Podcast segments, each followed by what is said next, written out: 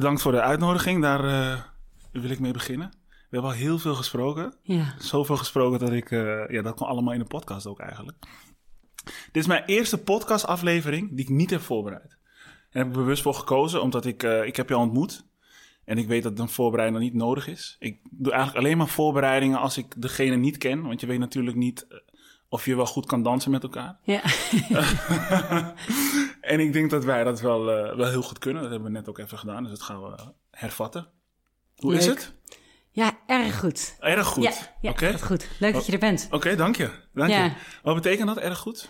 Um, ja, ik, ik, um, ik ben een tijdje geleden acuut uit het niets eigenlijk een beetje gestopt met werken. Omdat ik me realiseerde dat wat ik tegen mijn patiënten zei niet helemaal meer zelf zuiver ook uh, uitvoerde. En dat ik me realiseerde dat soms wel eens dat ik dacht... oh, ik wil eigenlijk ook in die stoel liggen om deze woorden te horen... of deze behandeling te ervaren. Toen, het, was een beetje de realisatie dat er gewoon mensen in mijn praktijk... me voorbij aan het schrijven waren en zij mijn leermeester werden. Ja. En dan vind ik eigenlijk in de zuiverheid van uh, practice what you preach... Hè, dat je dan Ja. ook je eigen werk weer te doen hebt. Dus ik ben eigenlijk een beetje hals over kop in de tijden dat alles duurder werd... en uh, bij mij het een beetje spannend werd van... oeh, kunnen we allemaal betalen? dacht ik, ja, dat is een angst. Mm. En als ik mensen leer juist om van hun angsten af te komen... zodat ze vanuit hun innerlijk weten of vanuit uh, rust kunnen handelen... in plaats vanuit angst... Ja.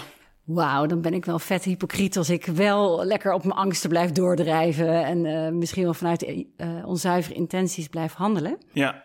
ja, dat klinkt eigenlijk meer, al- klinkt dan een beetje als van je hebt alle kennis en dat, die, die, die geven een anderen, maar je implementeert het zelf niet. Juist, ja, ik vergelijk Herkenbaar het. hoor. Ja, ja, oh joh, we maken allemaal dezelfde fouten. Ja. Ik, eh, ik, vergelijk het altijd een beetje met iemand die verschrikkelijk goed, uh, die heeft du- duizenden kookboeken gelezen, Ja, weet alles over wijnen te vertellen, maar heeft echt nog nooit een pan op het vuur gezet en uh, hè, Mm. zelf ervaren hoe het is om te koken. ja, En het is best leuk om naar te luisteren, maar op een gegeven moment houdt dat trucje op. ja. En uh, op een gegeven moment werd het tijd om zelf achter... Hè, want vaak zijn mensen die heel goed uh, uh, bijvoorbeeld over wijn kunnen praten. Misschien ook een beetje snobistisch. Hè, of uh, dat ze ergens uh, mening over hebben, terwijl ze niet... Ze kennen alleen maar het geschreven woord, maar de ervaring die erachter schuil gaat niet. Dus dan hinkt zo'n verhaal te veel op één poot. ja. ja. Dus op een gegeven moment, hè, practice what you preach, ga dan ook, ga het ervaren. En dat is Ja. volgens mij hetgeen wat ik aan het doen ben ge- gegaan, het laatste half jaar. Niet per se wetende waar ik aan begon en waar ik tegenaan zou lopen. Mm. Eerst dacht ik van, oh, misschien komt er een tweede boek uit me. Dat is ook iets wat veel mensen ook wel verwachten. Mm. Uh, dus ik, ik, zei heel erg van, ik zit op een ei, ik ben een ei aan het uitbroeden of zoiets. Of ik ben zwanger van iets. En uiteindelijk uh, is het niet zozeer dat er uit mij iets kwam wat ik kon doorgeven, maar alsof ik zelf een beetje uh, aan het herboren. Uh, ja, ze noemen dat in het, in het boeddhisme, geloof ik, vind ik ontzettend mooie uitdrukking. Een, een kleine dood sterven, dat klinkt heel luguber. Maar het is meer van dat je dus hetgene achterlaat wat niet meer past. Hè? Shedding skins. Uh, Ja, ja. je huid. Hoe heet dat nou? Verhuiden? Nee, je, je, ja, de huid. Vervellen? Vervellen, dank je. Ja. En het is, weet je, we vinden het heel normaal als kinderen groeien dat je op een gegeven moment, hè, de, de kleren weer is een rotklus, is dat altijd, om die kleren weer alle maten door te gaan, om te kijken wat nog wel past en wat niet meer. Maar Ja. op een gegeven moment past het jasje van het kind niet meer of de schoenen, dan geef je ze door of, of je geeft ze weg. Ja.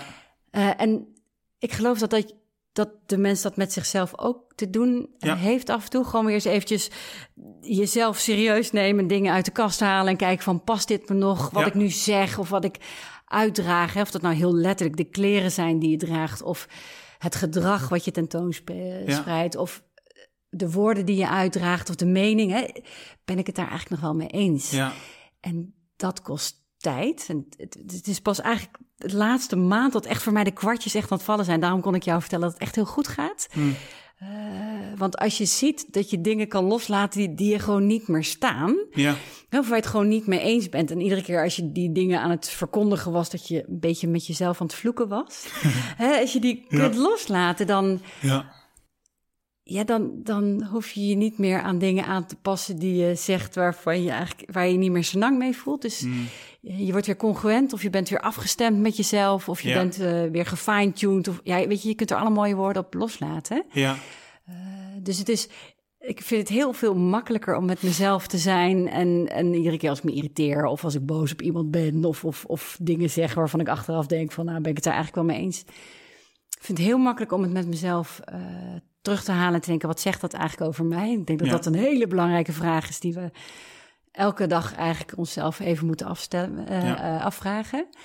Ik vind het nog wel ingewikkeld om die, die, die nieuwe vorm van balans die ik neig te vinden of te krijgen, om die ook al op in de wereld uit te dragen en mijn nieuwe eh, garderobe, het gaat natuurlijk niet over kleren, maar mijn nieuwe, mijn schonere versie van mezelf staande te houden. Dus ik merk ook wel dat eh, de, de, het oude ikje wat ik was, Ja, eh, waar mensen natuurlijk eh, verwachten dat die er nog steeds is. Hè? Want het is.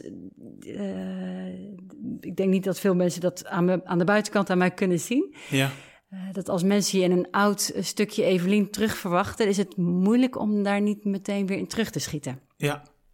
Ja, en het is ook, je stelt jezelf ook tentoon hè, als, een, als een ander eh Evelien. Heb je dan soms ook het idee dat, dat we in een maatschappij leven die eigenlijk nog niet klaar is voor een andere vorm van Evelien? Eh, oei. Maakt dat het soms ook zo moeilijk? Ja, nou, dat is ook wel een hele grote vraag die je stelt. Want ah, ja, niet de hele wereld is denk ik, hoop ik, gelukkig niet met mij bezig. Maar ehm, ik snap denk ik wel waar je heen wil. Ehm, ik, ik, zat vra- ik, vind het ontzettend leuk om met woorden te spelen. En ik zat met dat Doe woord, eh, het woord kennen hè, eh, te Ja. spelen. En Ja, ik betrapte mijzelf op dingen als je dingen eh, vertelt over het verleden... waarin je achteraf denkt van, god, dat heb ik niet goed gedaan... of met voortgaand inzicht zou ik dat anders doen. ja. Dat ik een aantal keer zei ik, ik wilde mezelf niet laten kennen. Mm, En toen dacht ik, wat een rare uitspraak is dat. En dan ga ik daar dus Ja. een beetje over nadenken. Vind ik wat leuk om te doen. En als je naar de, de, de, de- volgens mij staat het op de Griekse tempels. Als je naar filosofen kijkt, naar eh, spirituele meesters. eh, ze zeggen eigenlijk allemaal, ken uzelf.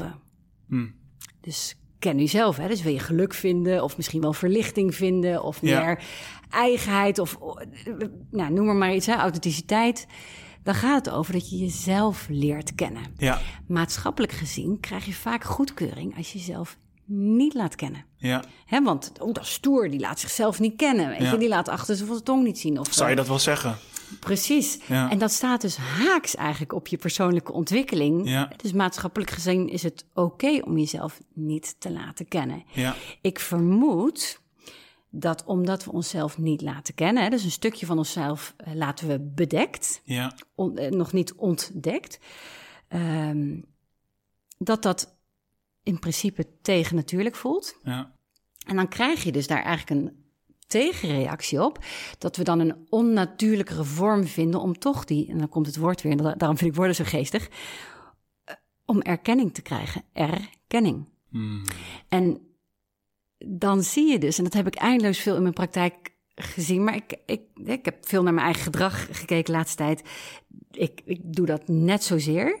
ehm, dat je heel veel keuzes in je leven hebt gemaakt om erkenning van de persoon buiten je te krijgen.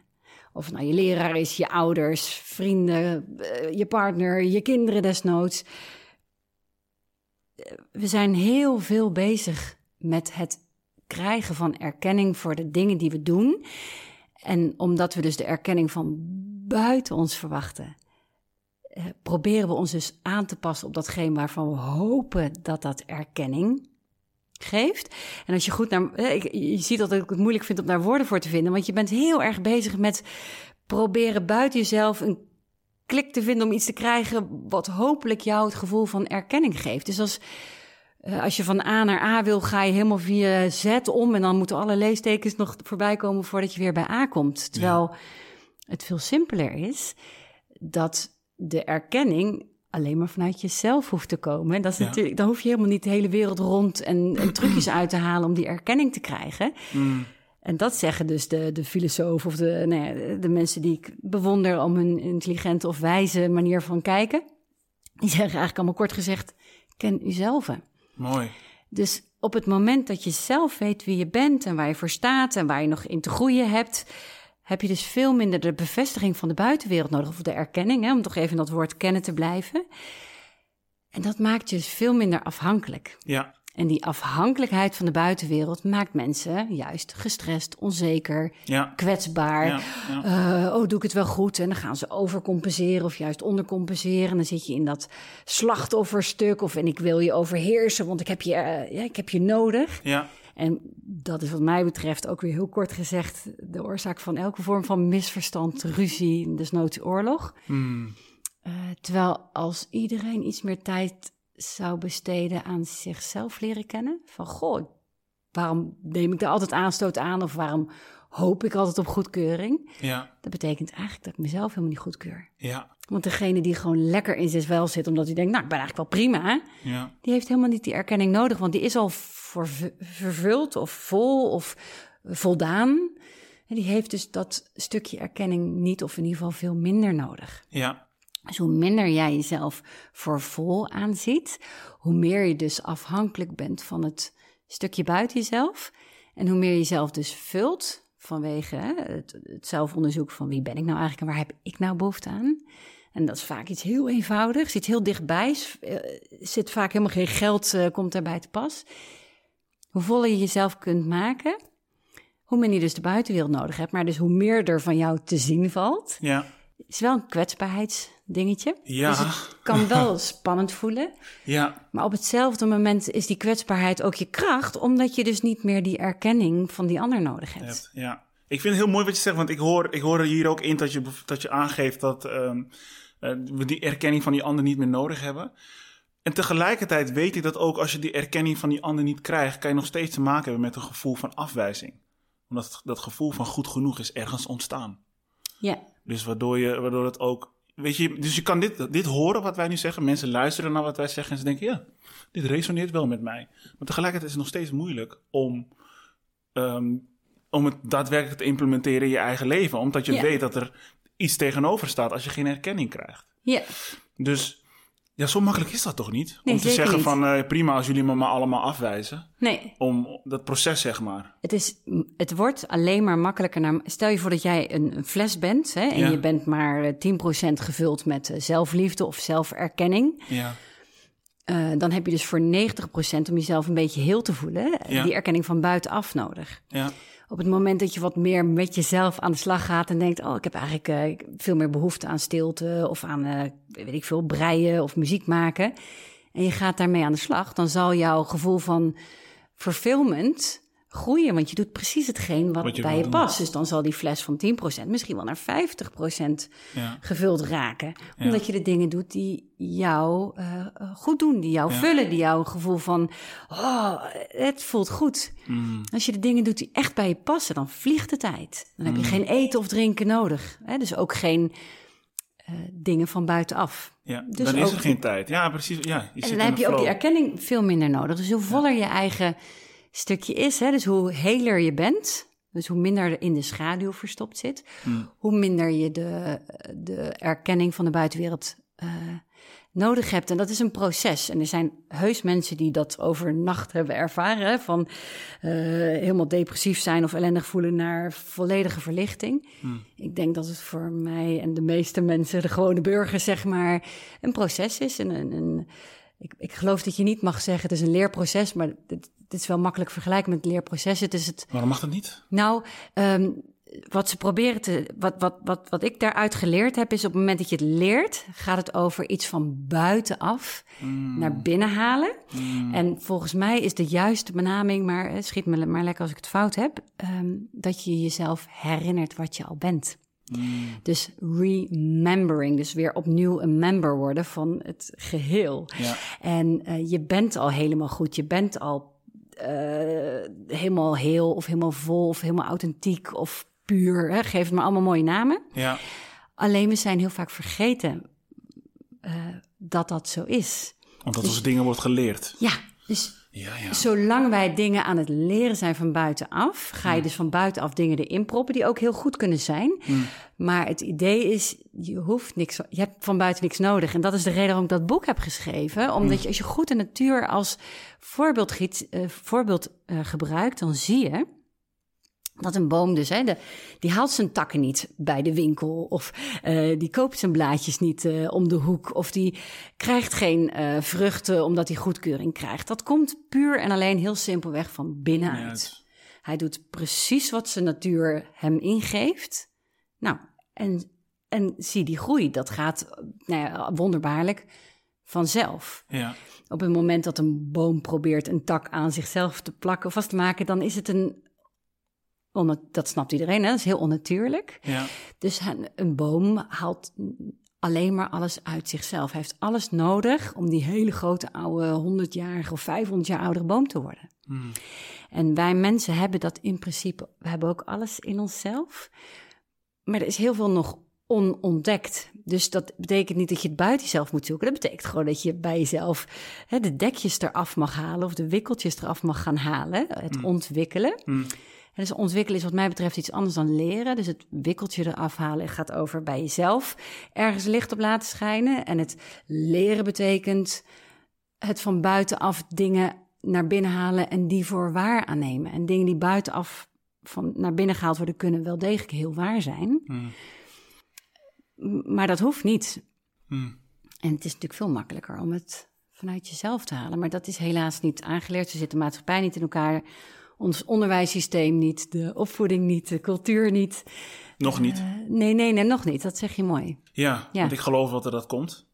Zeker weten. Ik, ik weet nog dat, dat je toen met mij thuis was en dat ik... ehm, ik was nog een beetje sceptisch over, jou, over jouw visie. want je kwam best wel ideologisch op mij, eh, op mij over. En eh, ik heb... De, de podcast die wij hebben opgenomen is voor mij, denk ik, de meest inspirerende podcast geweest die ik heb opgenomen. Ja. Wauw, dankjewel. ja, serieus. Die luister ik soms nog wel eens terug. Ah, Daar ga ik, wil ik het zo nog ook over hebben. hmm. Ehm, want ook ik zat vast in het eenzijdig denken. En ehm, ik bleef maar geloven dat wij die, ja, het dualistisch, eh, het dualistische nodig hebben. Ehm, terwijl als we met ons met z'n allen ja, bewust worden van wie wij daadwerkelijk zijn. Dus dat wij een, een, een, een ziel zijn met een lichaam als voertuig. Ja, En daar gaan we ook steeds meer naartoe. Als je daar bewust van bent, dan zijn de vragen die je naar buiten toe stelt ook gewoon heel anders. ja, Als je weet van, hé, maar ik ben een ziel, waarom doe ik dit dan? ja, Waarom heb ik die behoefte dan? ja. En als je dat dan gaat ontleden, dan kom je zeggen, ja, misschien vanwege trauma of dat er zo met mij is Ja. omgegaan. Dus dat het gevoel van niet goed genoeg zijn op mij is eh, Ja. geplakt. Ja, ja ik, ik begon het. eh, ik, veel, veel gelezen. Ik kan even. Ik vind het heel stom dat ik dat niet zo goed kan. Maar ik weet niet zo goed meer uit welk boek dit, dit, dit, geplukt heb. Oh, Maar het, het, het komt erop neer dat, dat er gezegd werd: je, je kunt maar één leermeester hebben. mhm. En dat is of de ziel, of in ieder geval het concept: eh, we zijn uiteindelijk in wezen allemaal één. Mhm. Of het is de ego. En het, Mm. het ego verdeelt en heerst. Mhm. Arme ik, of, of, of, of ik ben beter dan jij, of eh, goed en slecht. En het, en het zielstuk zegt, ik ben anders, maar in de basis zijn we allemaal één. Mhm. Ehm, ik vind het woord, in, in de natuur vind ik het altijd heel makkelijk. Hè? In de natuur zie je dus inderdaad dat het één groot gezellige gebeurtenis is... en iedereen is op hetzelfde moment individueel Ja. Maar nooit ten koste van een ander. Dus daar zie je dus die, dat individu in dat geheel wat ehm eh, vrede gaat. Er is nooit een bos wat met elkaar in oorlog is. Ja. Ja. En wij mensen kunnen dus dualistisch denken en wij kunnen in heelheid denken. En je kunt dus, als je dus die beide leermeesters gebruikt, ben je dus constant van eh, ja, wie er aan het stuur van jouw gedachten en jouw handelen is, is constant aan het wisselen. Mm. Nou, als jij aan het autorijden bent, om een beetje een metafoor te geven, je bent aan een auto aan het rijden en jij zit aan het stuur, de heelheid of de ziel of de goedheid, hoe je het maar wil noemen. En eh, op een gegeven moment denk je, ja, eh, shit, even dualisme erin inschieten, goenk. En dan moet je dus, terwijl je rijdt, moet je even die andere bestuurder erin zetten. En dan is het dualisme, die zegt, oh, verdomme, reis door. En eh, irritant, al die mensen op de weg. Ja.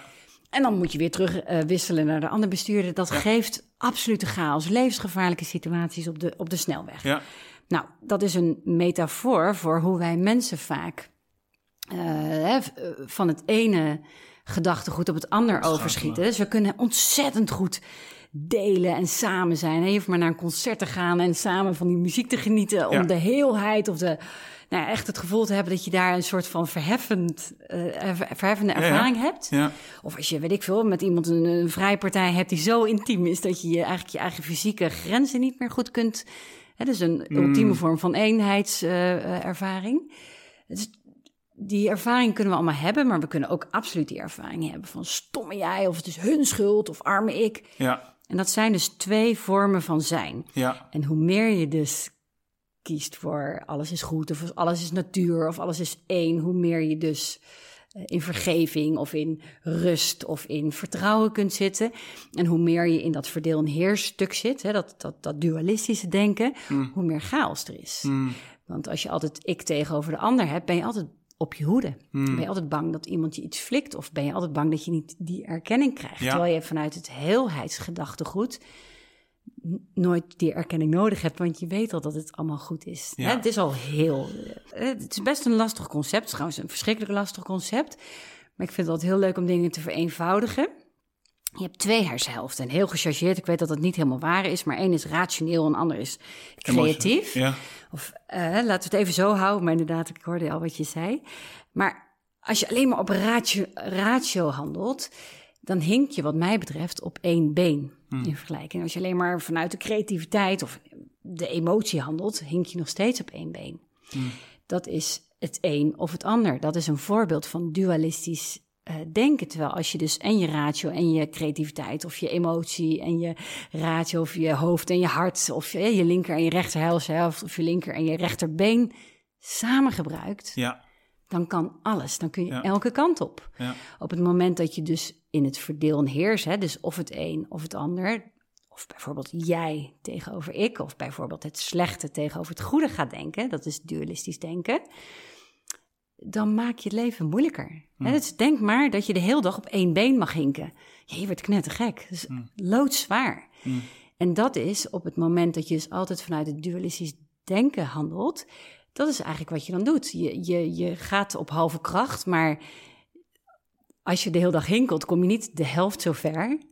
In vergelijking tot als je op twee benen Ja, loopt. ja. Als je op twee benen loopt, kom je echt heel ver. Je kan de wereld omlopen. Ja, ja.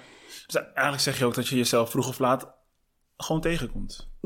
Tuurlijk. Dat heb je natuurlijk gezien in, Ja. je, in je praktijk ook. Ja, zeker. Ja, Ja, ja. en eh, het is een andere manier van denken die gewoon niet aangeleerd is. En gewoon, weet je, als je boos op iemand bent, wil je gewoon iemand anders de schuld geven. Ja. En jezelf beschermen. ja. Eh, dat is heel primair en dat is, ja, eh, we zullen snel zeggen, dat is nou eenmaal zoals het is. Maar ik heb echt geleerd, en ik ben er nog lang niet, hè. Ik, ik zit misschien op 3% van waar ik uiteindelijk heen wil. ja. Maar als ik het doe en ik vind dan dat ik van mezelf echt wel even lekker mag brommen. ja. En als ik dan een stapje terug doe en denk altijd weer die vraag, wat zegt het nou over mij? ja. Waarom vind ik dit kwetsend? Om, waar, waar word ik hier zo boos van? Of waarom eh, ehm, hè, raakt dit me zo enorm? Dan zoom je eigenlijk uit en dan zie je dat er altijd iets anders is Dan die situatie. dan die situatie. En dan is Ja. het altijd iets uit het verleden waarin je jezelf niet voor heel vervol voelde Ja. aangezien worden. Zeg Ja. het goed? Ja. Ehm, eh, en dan zit je weer in die niet-heelheid, hè, dus in het, in het dualisme of in het gebrokene. Terwijl je al heel bent. Hè? Je hebt die linker en die rechter hersenhelft, of die linker en het rechter hartdeel, of dat linker en het rechterbeen. Dus je bent al heel. Hmm. Je, je hebt altijd alles al. Ja, Maar door gebeurtenis of omdat de noodzaak er is om vanuit dualisme tot de eenheid te komen. ja, Ik weet niet waar ik heen wilde, maar eh, je hebt het dualisme nodig om de eenheid te kunnen eh, realiseren. Ja. Dus als alles altijd maar goed is, ja, dan ervaar je het niet als goed. nee, Je hebt iets stoms of iets slechts nodig om te Om, beseffen eh, wat goed is. Dus die, hè, dat noem je dan de relativiteit, het verhouden van het een tot het ander. Dat heb je nodig ja, om te weten wat jij fijn vindt of wat je mooi vindt. ja, En dus als alles licht is, kun je niet zien wat licht is. Hmm. Je hebt het donker nodig om het licht te zien. En dit is altijd wel eh, ingewikkeld. Ehm, Ja, ik, ik, ik ik kan hier, eh, hier wil ik ook nog wat over zeggen. Want je zei bijvoorbeeld ook van eh, bo- eh, boos worden op een ander. Kan je boos worden op een ander? Is dat een vraag die aan mij stelt? Ja. Oh, jazeker. Ja? Sorry voor iedereen waarover Maar- ik ooit boos ben geweest. Maar Ja. oké, dus als jij, want dat is hoe, hoe ik denk, hè, dat je conflicten dus nodig hebt Ja. om ehm, te kunnen leven vanuit je volle potentie. Dus als jij in een bepaalde situatie komt waarin jij, eh, waar, ik zou zeggen, waarin woede omhoog komt, Mhm. dan zou ik niet per se zeggen dat je boos bent op de ander. Want het is een emotie die de ander bij jou omhoog laat komen. Ja. En ik denk dat het moment dat je, jij op dat moment capabel bent om die emotie te doorleven Mhm. en te voelen, ehm, dat dat het moment is dat je dus spiritueel zou kunnen groeien. Absoluut. Dus als je Ja. je emotie, je, je boze emotie dus eh, op een ander afreageert, ja, dan heb je ervoor gekozen om niet te voelen. Ja, en er zit ook een. Ik denk dat er nog meer aan eh, toe te voegen is. Ja, Dat boosheid niet slecht is. ja, Want je hebt het ook gekregen. Hè? Het Ja. Mhm. zit ook in je capaciteit. En ik geloof niet dat ons doel is om spiritueel begaafd te raken. Lees nooit meer boos te zijn. Want boos zijn heeft ook een heel. bij- Bijvoorbeeld als jouw kind eh, zonder te kijken oversteekt. Ja, Nou, dan mag ik hopen dat je als moeder heel boos wordt als die auto eraan komt. Ja. Ook eh, graag als die auto er niet aan komt, want dan leert het kind snel. Maar ja, in zo'n levensbedreigende situatie. En zo'n kind in ga- kraag grijpen en eens even flink eh, eh, die boze stem opzetten, is natuurlijk fantastisch. Mm, Het Dus boosheid kan wel degelijk ook eh, iets heel goeds en iets heel wezenlijks teweeg brengen. mm. Ehm, Als je je boosheid naar buiten toe. eh, boosheid is een hele sterke energie. En als je dat doet vanuit een arme ik-verhaal of een hè, dualistische of een getraumatiseerde Ja, ja. basis, dan is het een ongebalanceerde boosheid, als ik Ja, het zo mag zeggen. Ik heb hier nog niet goed over nagedacht eh, Nee, over maar deze ik- zin, maar ik, ja. ik richt in die kant op. Op het moment dat die boosheid er is, omdat het gaat over onveiligheid of over integriteit of over eh, grensoverschrijdend gedrag. Hè? Dus als, als er twee mensen, och, je ziet die dingen wel eens op straat, dat mensen eh, met elkaar in gevecht zijn en dat de mensen niet ingrijpen. Dan denk je, ja, verdorie, hier mag best wel eens iemand boos optreden. mm, Als je naar de bioscoop gaat, wij waren pas in Antwerpen. En dan komen er van die banners voordat de film begint van zie je eh, aanstootgevend gedrag, app dan hier naar. Dacht, app dan? Je kan toch ook eventjes kijken of je kunt handelen? ja. Hè, de, de, ehm, eh, dus ik geloof dat het best wel eh, heel zinvol en heel constructief kan zijn om eh, boos op te treden. Hm. Ik vind dat we moeten uitkijken dat het maatschappelijk niet meer... oh, je mag niet meer boos worden, want dat is... nee, stuur maar een appje, hè, de kliklijn regelt het vanzelf. ja. Dat lijkt me heel onwenselijk. Ja. Ja, ik, ja, ik weet niet. Ik, ik zit nog even na te denken hierover. Want ik hoor je zeggen dat je ook dan, als er een conflict is op straat, dat je ook met boosheid zou mogen. eh, eh, wat, wat, wat is het woord dat je gebruikte? Ingrijpen? Ja. Terwijl ik dan mijzelf afvraag, waarom niet gewoon ingrijpen?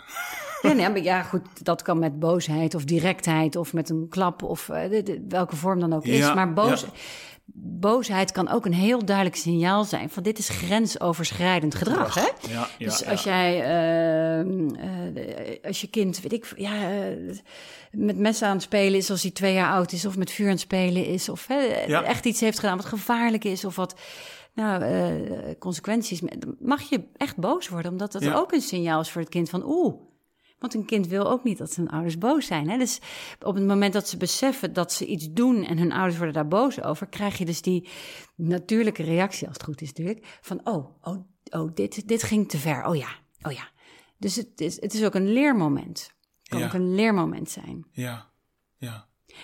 Op hetzelfde moment ben ik ook heel vaak boos geweest op mijn kinderen, dat ik me later realiseerde, shit, ik ben helemaal niet boos op die kinderen. Ik ben gewoon verdrietig dat ik niet beter kan handelen in deze situatie. Dus mijn boosheid was een uiting van mijn eigen onvermogen om beter te zijn. Die was ook wel heel interessant. Hmm. Dus die heeft me wel heel veel eh, gegeven, zo'n ja. inzicht. Dus je hebt gradaties van, eh, Zeker.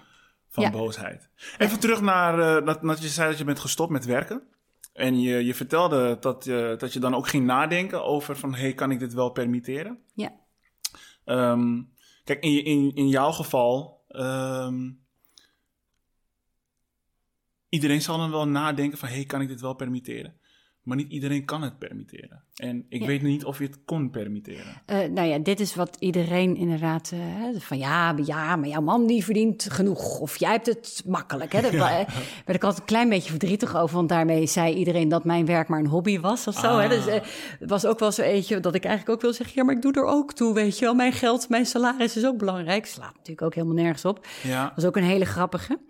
Um, wat je nu zegt, er zijn een heleboel lagen waarin je dus kunt beantwoorden. Want je zegt eigenlijk, ja, uh, uh, brood op de plank, de hypotheek moet betaald worden. Ja. Uh, Ja. klopt. Zeker waar. Uh, als je stopt met werken, betekent het niet opeens dat je gelijk diezelfde dag het huis uit moet. Ja. je, je realiseert je heel erg dat hoe drukker je bent, hoe sneller je geld uitgeeft in een ondoordachte situatie. Hè? Dus je geeft sneller veel geld uit, omdat je dan ergens van af bent. Hè? Want als je weinig tijd hebt, wil je gewoon de dingetjes gauw afvinken. Klopt. Dus je, Klopt, je ja. ervaart op het moment dat er geen inkomen is, dat er ook heel veel onnodige uitgaven zijn geweest. Dus je kunt, als je veel geld hebt, hè, dus vaak willen Mhm. mensen meer, meer geld. En als je daarover nadenkt, is het alleen maar om meer te kunnen kopen.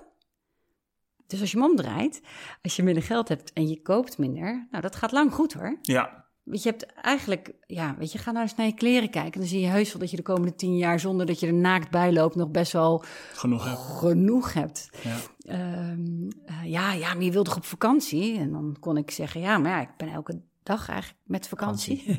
Want je werkt niet. Ja. Ja. maar de kinderen willen er ook weg. Ja.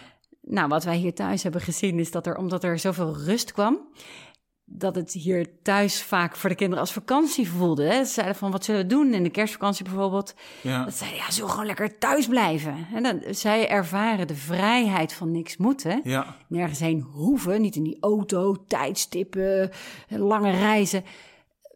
Dat zegt niet dat ze niet op vakantie willen hoor, maar zij vonden ook die ontzettende strekkende meters van leegte, vonden ze ontzettend fijn. Hmm. Dus voor hun was vakantie ook een associatie met gewoon helemaal niks hoeven. Hmm. En van, joh, ik, ik, een, van- de minder leuke zijden van, deze, eh, eh, van mijn ex- experiment om een tijd niet te werken is... Inderdaad, ik ben al heel weinig op reis geweest. Hè. De laatste paar jaar gewoon nou, nagenoeg niet. En dat deed je wel graag, Heel hè? veel gedaan. Ja. Ja. heel veel gedaan. Ontzettend. En dat mis ik ergens ook heel erg. Oké. En toch is het nog niet genoeg in balans. eh, niet genoeg een. een, een hè, wat jammer dan om het toch weer om te draaien. Omdat Ja. de reis die ik naar binnen ga, maar de reis die we dus met het gezin nu aan het maken zijn hier thuis, om elkaar beter te leren kennen, ehm, zeker zo, ehm, zo mooi is. Dus ik vind het heel jammer dat we bijvoorbeeld niet geskiet hebben of een, we zouden een verre reis maken, is niet doorgegaan. Ja. Eh, heel jammer, maar niet belangrijk genoeg om daardoor maar weer aan het werk te gaan. Dus de, Ja. Eh, je ziet dat je eigenlijk met, ook dat is zo'n klassiekertje, hè? je hebt maar zo weinig nodig. En dat Ja. kun je echt pas echt ervaren als je dus ook al dat geld waar je dus afhankelijk van was, eh, was durft los te laten. Ja. En te kijken of het echt zo is. Hè? Dus die ervaring, Ja. waar we het net ook eventjes over hadden, dat is het enige wat echt telt. Dus ik kan eindeloos tegen jou vertellen hoe dat zit of hoe het voor mij is geweest. Maar Ik heb het niet je, ervaren. Het is, het is echt de Ja. eigen ervaring. Ja, mooi. Ik vind, het- bedankt voor deze uitleg, want dit, hier was ik ook wel een beetje naar, naar op zoek. Ehm, want het, het kan voor mensen soms heel makkelijk klinken, hè, van hé, dan stop je toch gewoon met werken. Maar dat, eh, er gaat veel meer aan vooraf. En hiermee zeg je ook dat je eerst moet geloven en dan zal je het zien. In plaats van Ja. eerst zien, dan geloven. Ja. En we leven in een maatschappij waar we het eerst graag willen zien en dan pas gaan geloven. Ja, en dat is ook, denk ik, maatschappelijk aangeleerd. Hè? Een heel oude, Oh ja? het is het oorzaak-gevolg, hè? Hmm. Eerst zien, dan geloven. Dus heel lineair gedacht. Dat is heel erg de oude klassieke, ik geloof dat dat Newtoniaanse manier van denken is, hè? De, Ja, ja. de natuurkunde. En die is ook zeker waar, tot op zekere hoogte. Ja. Maar als je gaat inzoomen, komt er een andere vorm van natuurkunde naar boven. En die zegt eigenlijk alles is een wave en het wordt Ja. pas een particle als Ja. er een intentie aangegeven wordt. Ja, En die is, ook al ken ik dit verhaal heel lang, pas heel eh, kort echt, echt tot, tot, het, tot het blind vertrouwen daarop tot me doorgedrongen. Omdat het zo, het blijft zo conceptueel, omdat we zo op onze ogen vertrouwen. Dus het fysieke stuk is ons zo aangeleerd als de waarheid. Terwijl Ja. er natuurlijk al lang bewezen heeft dat het fysieke stukje, ik geloof 0,006 of 70 en dan een eentje, procent van de werkelijkheid is. Dus wij staren ons blind op een buitengewoon marginaal stuk van de werkelijkheid. En alles wat er eigenlijk is, hè, dus eh, de rest is energie. Ja. Eh, daar hebben we weinig oog voor. Eh, dat is denk ik waarom mensen zoveel vastzitten. We zitten ons helemaal op dat materiële stuk vast te bijten. Terwijl de echte stuwende kracht, de energie die daarachter schuil gaat, veel groter en veel omvattender is. En, Mm. ehm, ik denk dat op het moment dat je kunt vertrouwen op dat stuk wat je niet kunt zien, hè, dus eerst geloven en dan pas zien. Hè, je, je creëert je eigen werkelijkheid. Mind, eh, gedachte over matter, hè, dus Ja. over materie. Ehm, dat die dingen pas echt, echt ervaren kunnen worden als je dus inderdaad eerst gaat vertrouwen op die energie. Hm. En dat is dus, is- jij bent elektromagnetisch, je bent een soort van radioantenne. En als jij je radioantenne afstemt op 538, zul jij 538 muziekjes ontvangen. Ja. dus die, dat, je, je trekt aan wat je uitzendt. Dus Ja. je, je, je dialing, hè, je zit aan die knop te draaien. Ja. En dan krijg je dus datgene ont- ontvangen wat op die frequentie zit. Ja. En de frequentie die je dus uitzendt, is hetgeen wat je zult ontvangen. Ja. Maar je hebt hem eerst te fine-tunen. Dus je, je hoort niet eerst radio 538 en dan ga je pas dat knopje aanzetten.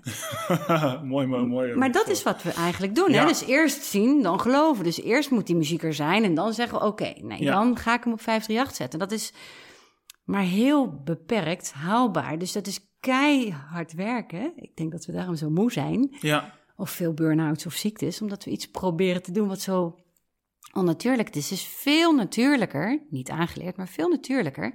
om in dat blinde vertrouwen te zitten, die energie goed te krijgen... je met jezelf alignen, hè, op één lijn met jezelf te komen... Ja. Ken jezelf, hè? dus bij jezelf naar binnen te gaan. Wie ben ik eigenlijk? Wat ben ik eigenlijk? Wat de natuur doet. Hè, Een beukennootje zal altijd die beuk worden, hè? dus die is altijd aligned met zichzelf. Ehm, op het moment dus dat je gaat fine-tunen met jezelf, dus niet wat je kunt zien, maar wat je kunt voelen, Hmm. echt dat diepere weten, Hmm. dat is dus niet iets buiten jezelf. Het is iets niet wat tastbaar is. Het is geen materie. Het is een, ja, een vibratie of een frequentie of een trilling of mhm. energie of een, noem het maar een verhaal. Je kunt het niet zien, Hmm. maar je kunt je er wel op afstemmen. Hmm. En hoe meer je daarop kunt afstemmen, dus meer aligned zijn met jezelf, dus hoe zuiverder je jezelf je knopje op die eh, Romario-zender kunt afstemmen, hoe meer dus Roma, alles wat voor jou, voor jouw persoonlijke groei nodig is, op jouw pad, Pad komt. komt. Ja. En dat is het eerst geloven, dan zien. Er zijn, Ja. eh, eh, god, Bruce Wayne heet hij geloof ik, heeft daar ook, er is heel veel boeken over geschreven, maar volgens mij heeft hij een boek geschreven dat volgens mij zo heet.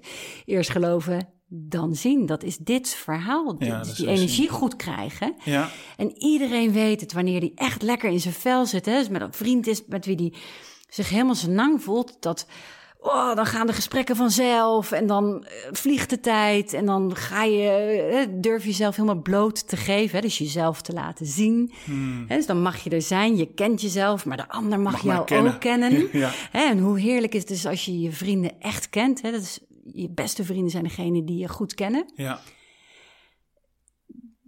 in dat stukje ben je dus aligned met jezelf. Ben je echt op je eigen frequentie afgestemd. Je Ja. bent helemaal jezelf. Ja. Je Ja. durft jezelf bloot te geven. Je staat mooi op die frequentie. Romario. Dus je zendt eh, dit uit en dat is wat je zult ontvangen. Want je voelt in zo'n avond met vrienden... waar je helemaal jezelf bent geweest... en helemaal de diepte en de hoogte bent ingegaan... voel je je helemaal alive. Ja. Of super gelukkig of heel dankbaar. Ja. Ja. Die gevoelens zijn de fijnste plekjes volgens mij waar je kunt zijn in je, Ja. in je, in je lijf. Dus hoe meer je jezelf bent, hoe meer die gevoelens van dankbaarheid of van eenheid of van ehm, samen of van liefde of verbondenheid, waar we allemaal naar op zoek zijn, vrede. Hoe meer je dus met jezelf aligned bent, Mooi. hoe Ja. meer dus dat ook op jouw pad, Pad komt. komt. ja. Ik wil hier nog een klein, klein beetje op, eh, nog even op voortborduren. Ja.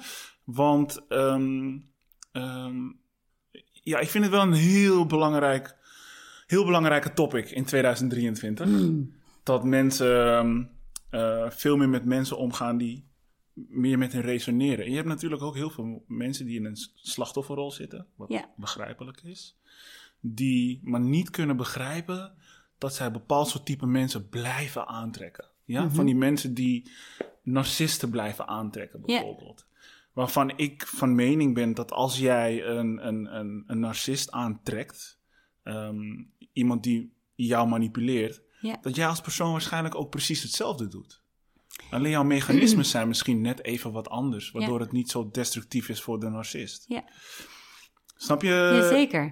Ja, eh, ehm, stel je voor dat je dus... Ik heb dat enorm zelf... Ik kan het enorm op mezelf eh, betrekken. Maar eh, ik geloof dat ze het in de psychologie het reddersinstinct noemen. Hè? Je wil Ah, ja. heel graag helpen. Je wil Ja. heel graag eh, iemand omhoog trekken. Of iemand inderdaad...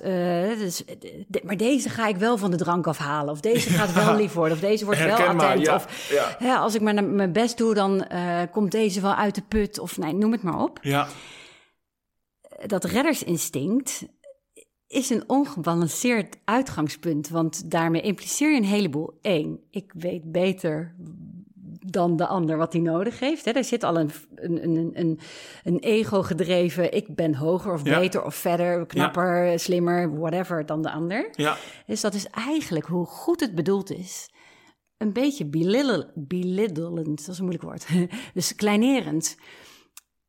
Dus je zegt eigenlijk, ik, ik, ik, ik ben, ehm, ik kan jou redden. ja, Laat mij jouw redder zijn. ja, En daarmee zeg je dus ook, ik wil jouw redder zijn, want als ik jou red, dan ben ik de redder en dan voel ik mijn ego groeien. En oelala, Ja, fijn dat ik eh, hier een medaille, daar een medaille. Ook dat is een, een ego-gedreven iets. Hè? Dus je, jouw ego voedt zich op het verdeel- en heersverhaal. ja. Dus zolang er mensen zijn die jij kan redden, eh, hou je dat dualisme in stand. Hmm. Ehm, als je dat dus afpelt, dan zie je heel vaak nou, dat je de redder wil zijn. Want eigenlijk zeg je, ik wil gezien worden.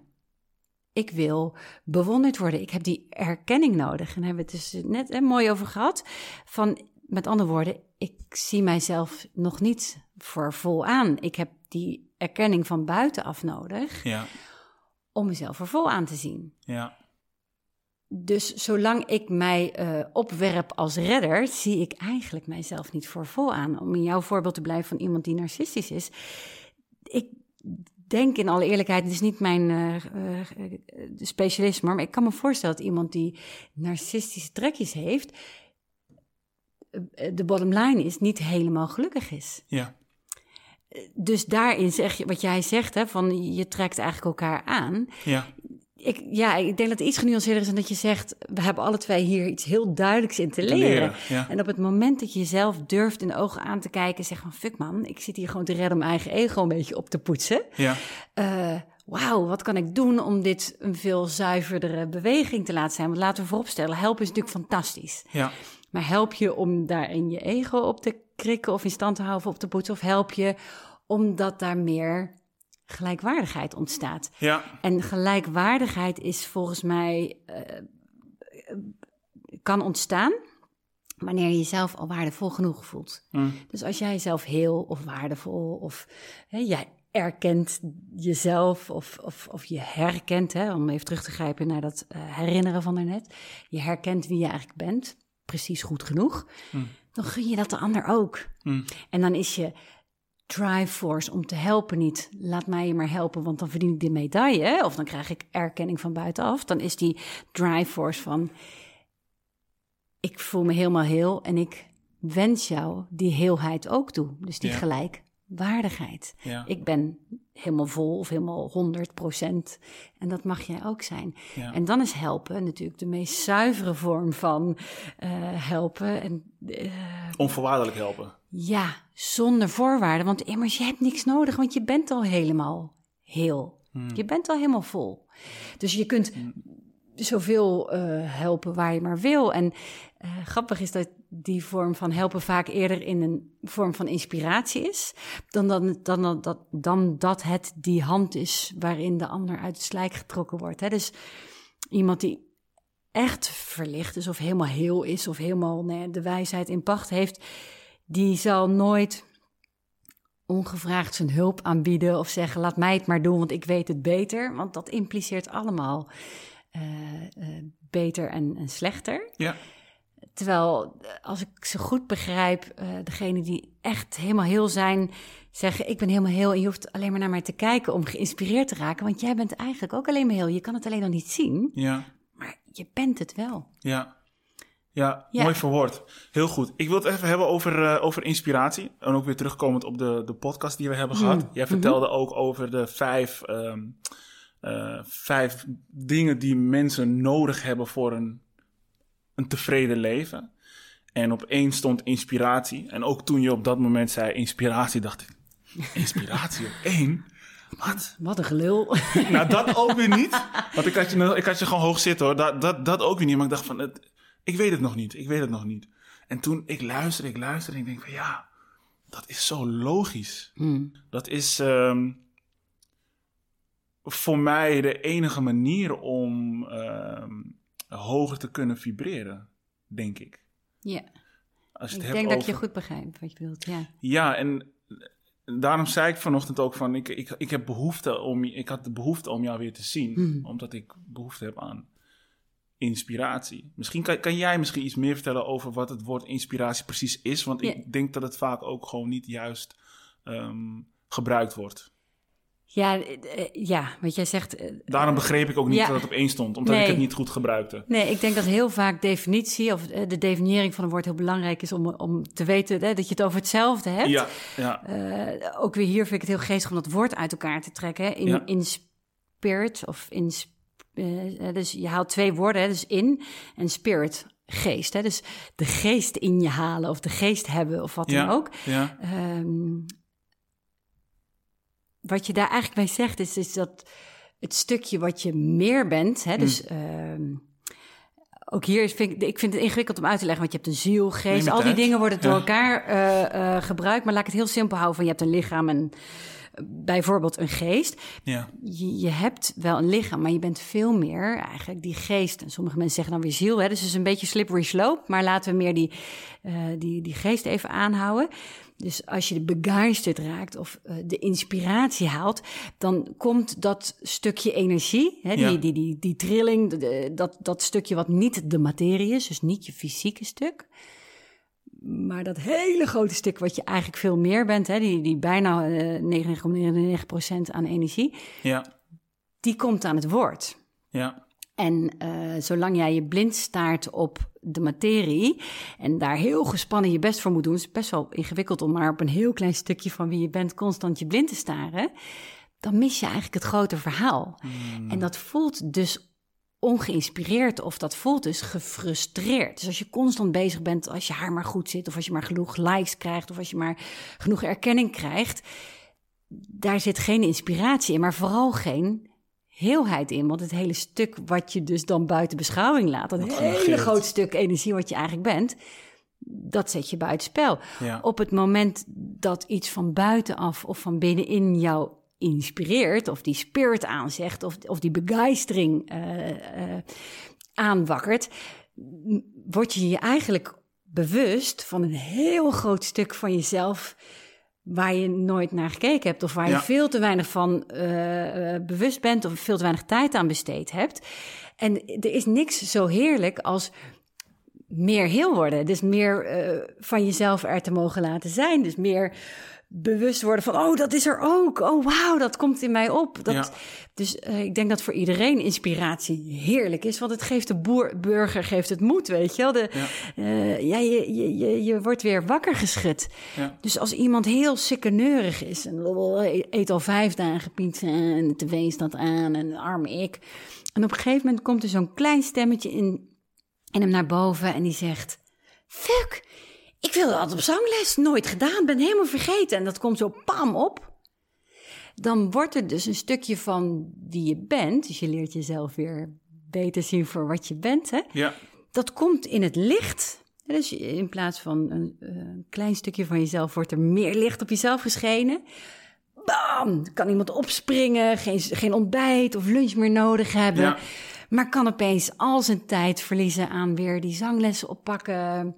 Uh, misschien met andere mensen gaan samenwerken. Maar die raakt dus geïnspireerd tot, door iets wat er altijd al was. Ja.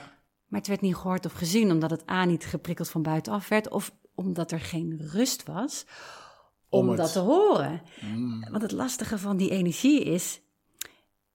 Het zijn niet de woorden die je hoort, het is het gevoel wat je hoort. En die woorden is waar we altijd ons blind op staren. Hè? Ja. Eh, maar het is die, die, die, die vibes, hè? die vibratie waar je het net Ja. over had. Ja.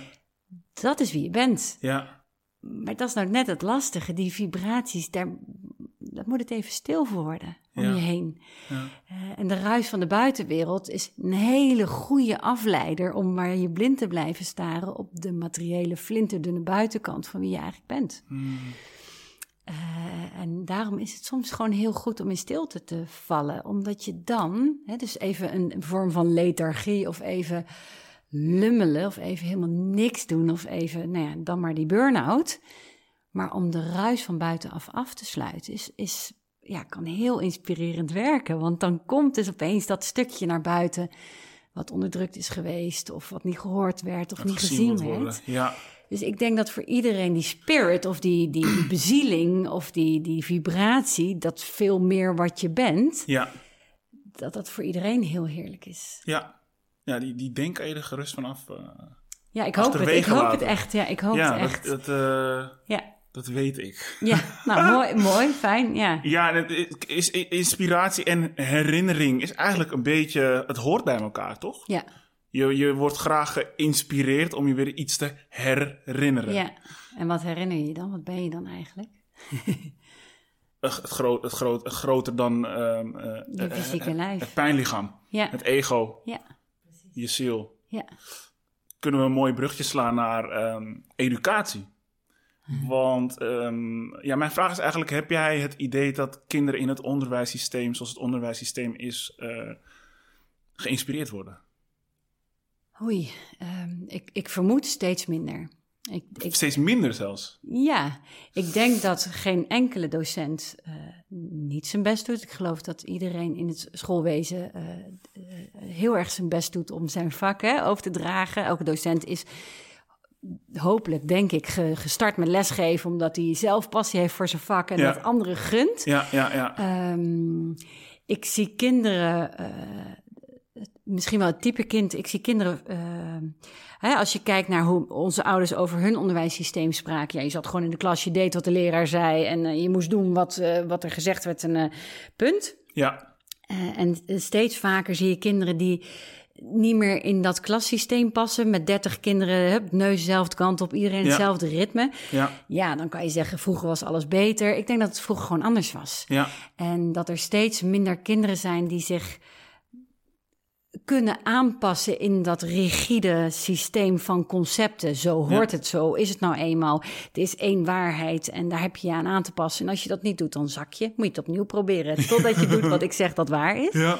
Eh, ik denk dat dat vroeger, ja, makkelijker was. Ik denk dat de tijden veranderen zijn. Dat er gewoon letterlijk andere type kinderen geboren worden. Hè? Dat noemen Ja. ze in de spiritualiteit.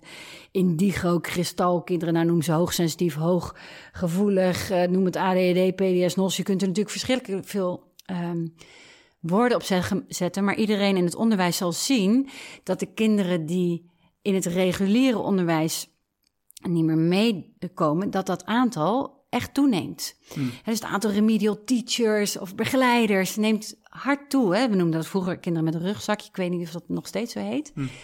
Ehm, en dan kun je je afvragen of de kinderen steeds minder goed aangepast zijn. Dan, dan hoor je eigenlijk al wat ik wil zeggen. Hè? Ja. De, de kinderen zich minder goed kunnen aanpassen. Eh, of dat de kinderen zich steeds minder goed kunnen aanpassen. En dat, ik zeg eigenlijk hetzelfde, ik bedoel iets Ja, anders. ja, ja. Er nog? Ik vind het eigenlijk heel goed dat je je steeds minder laat verhouden tot een klein hokje. Ja, Ik, ik, ik, ik, ja, de inspiratie van de natuur is dan weer heel handig. Er is geen boom hetzelfde. Echt niet eens bij twee takken benadering lijken ze maar enigszins op elkaar. Eh, als je bij de intratuin gaat kijken, zie je wel een heleboel dezelfde eskenbomen. Ze proberen het wel, is makkelijk verkoopbaar of zo. Maar ook daarbij gekunstelde, uh, ge- gefabriceerde plantjes zie je nog steeds dat ze eigenlijk allemaal uniek zijn. Ja. Dus, dus wat mij betreft tegen natuurlijk om iedereen maar in dat, dat, diezelfde mal te duwen van nou, dan moet je dat weten en dan moet je dat weten en dan moet je dat weten. En het lijkt wel alsof de kracht van de natuur steeds meer de overhand neemt, waarin kinderen zich steeds minder makkelijk in die hokjes laten duwen. Ja. Lees zich niet meer laten, makkelijk laten inspireren door iets wat hun niet meer past. Ja. Mogen we dan ook blij zijn, als we dat zo bekijken, mogen we dan ook gewoon blij zijn met hun ouders? Want ik kan me, heel, ik kan me daar ook heel goed voorstellen dat we heel gauw denken dat eh, we in een, in, een, in een tijd leven waarin ook ouders niet de emotionele veiligheid kunnen bieden voor hun kinderen. Maar als je zulke kinderen hebt die zich dus niet meer conformeren aan een, eh, ik zeg het gewoon, aan een regime, Hmm, hmm. Dan komt dat natuurlijk ook wel ergens vandaan. Ja. Ja, en dat, ja, het kan zijn dat ouders daar zelf in ook, ook al vrijheidszoekers waren. Ik was zelf ook niet zo heel makkelijk, in, en dat zullen alle docenten geloof ik wel bevestigen.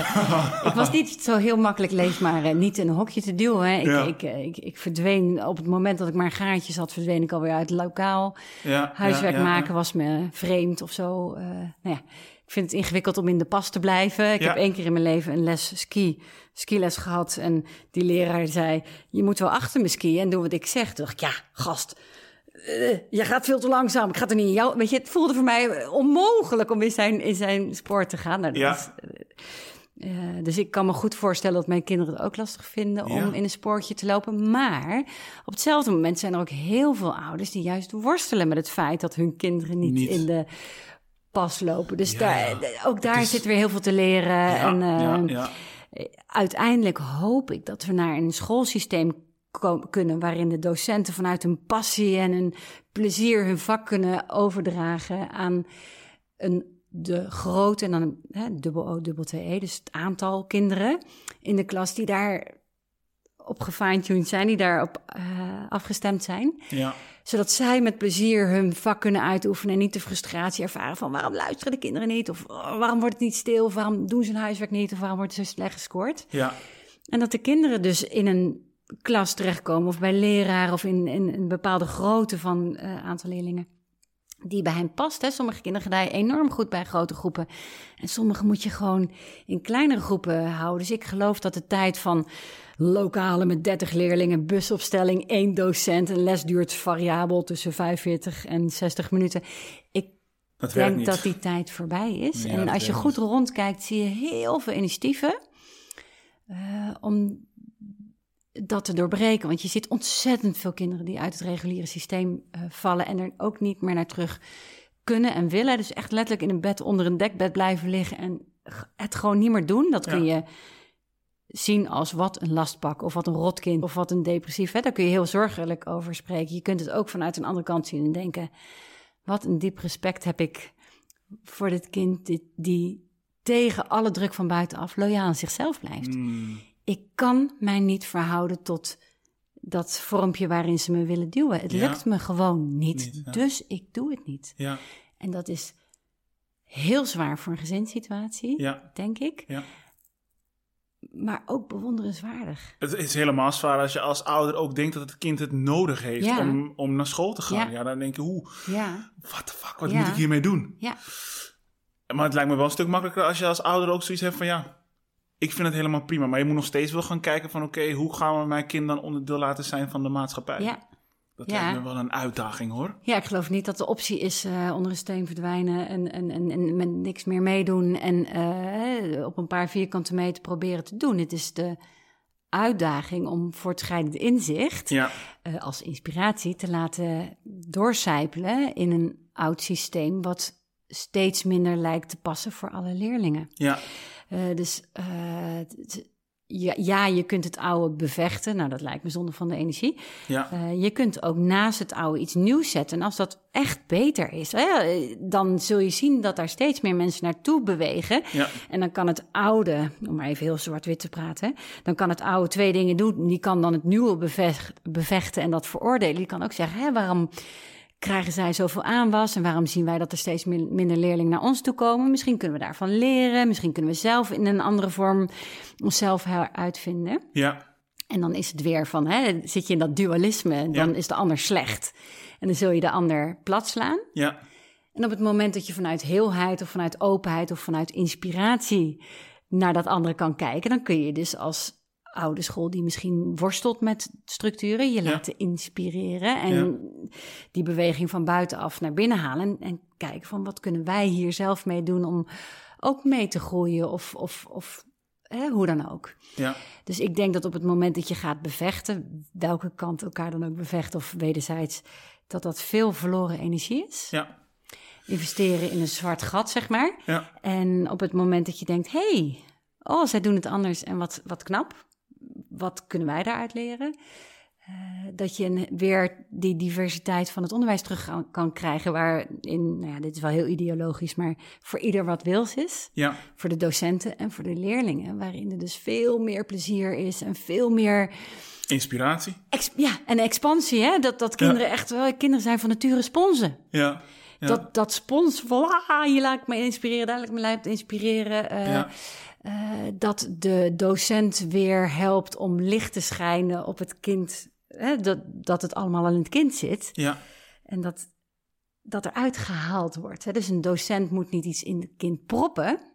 Daar lijkt het soms een klein beetje op. Hmm. Het is de uitdaging van de docent om het uit het kind te halen. Het woord educatie komt vanuit, ik geloof het Latijnse woord eductare of ed, nee, eductare. Excuse me eh, voor iedereen die zegt... eh, goed, geen probleem. eh, ja, precies. Eh, en E is uit, hè? En ductere is trekken. Ja, Dus educatie zou mogen gaan over het uit de leraar halen.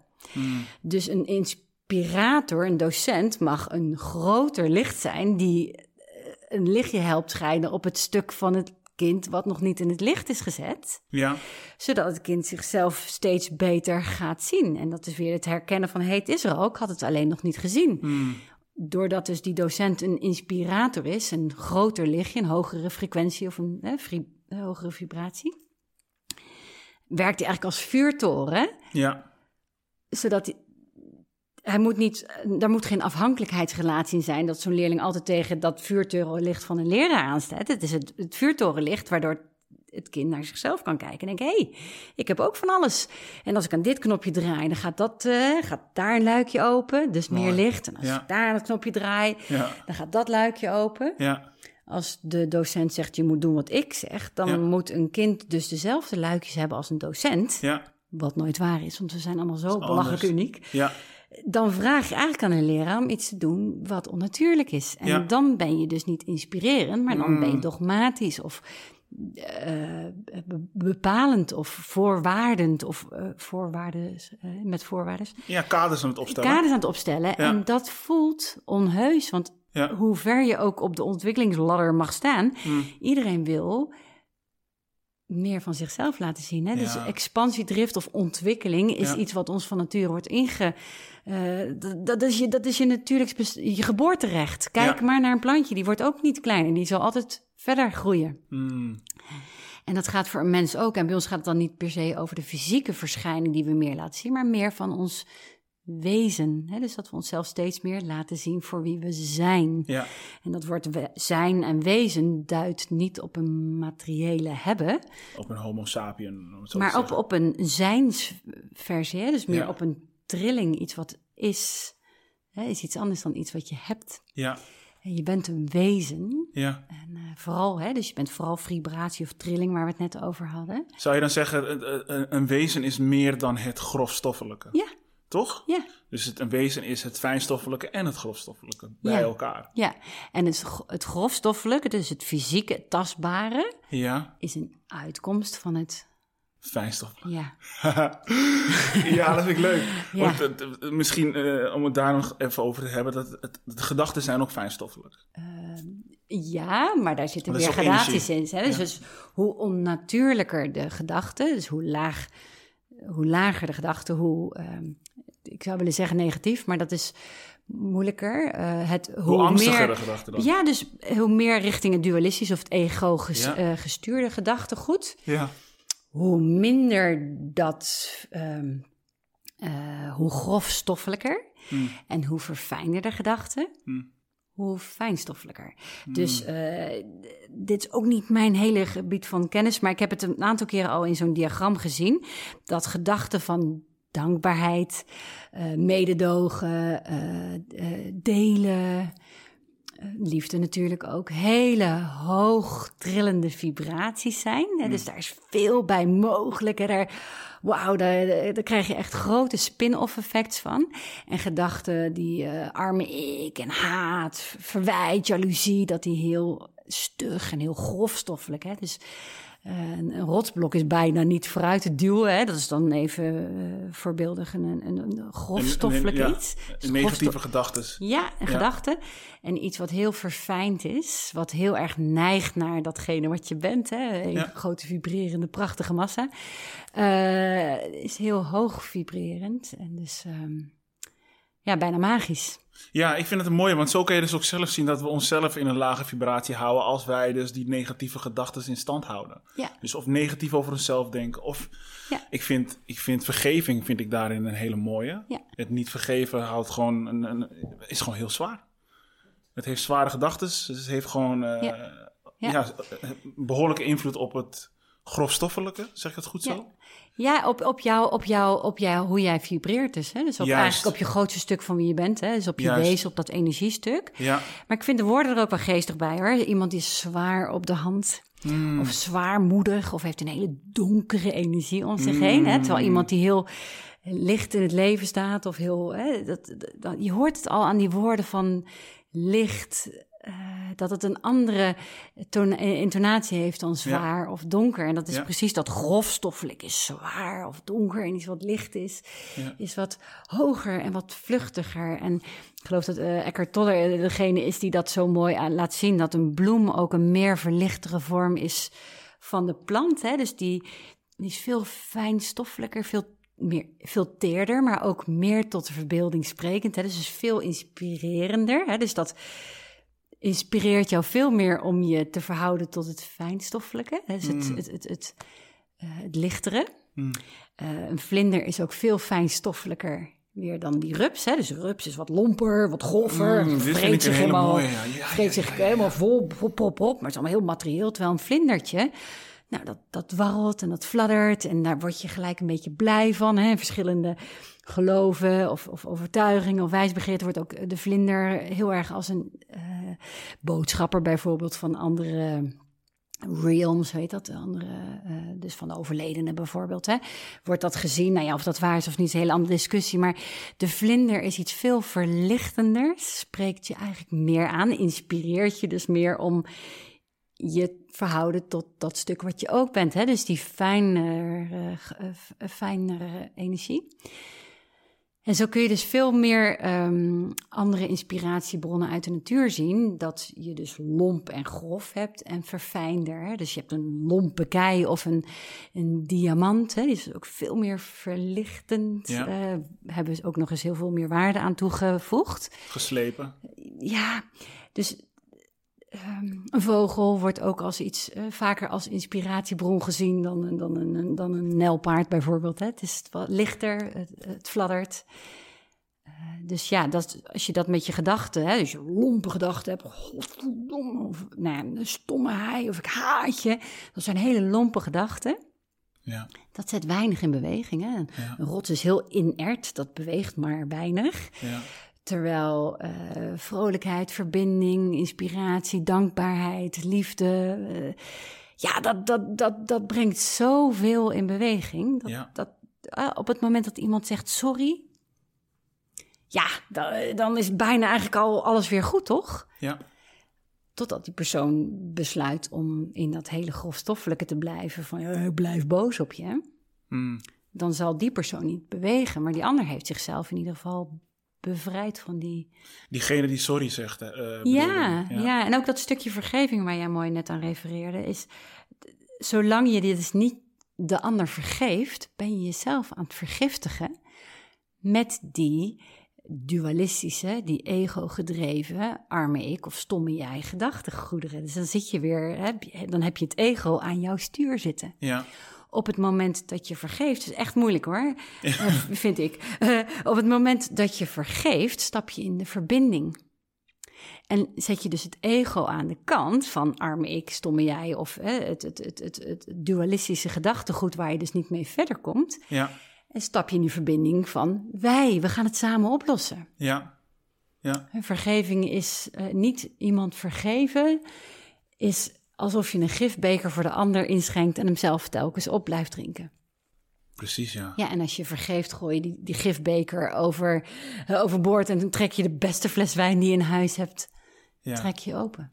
Ja, vergeven vind ik heel belangrijk. Ik denk juist doordat wij eh, mensen niet goed kunnen vergeven, dat wij. Dat, dat komt dus door de, de, staat van de, weer, de aarde, zeg maar. Dat komt doordat wij niet kunnen vergeven. Zo zie ik dat een beetje. Ja. Snap je? Ja.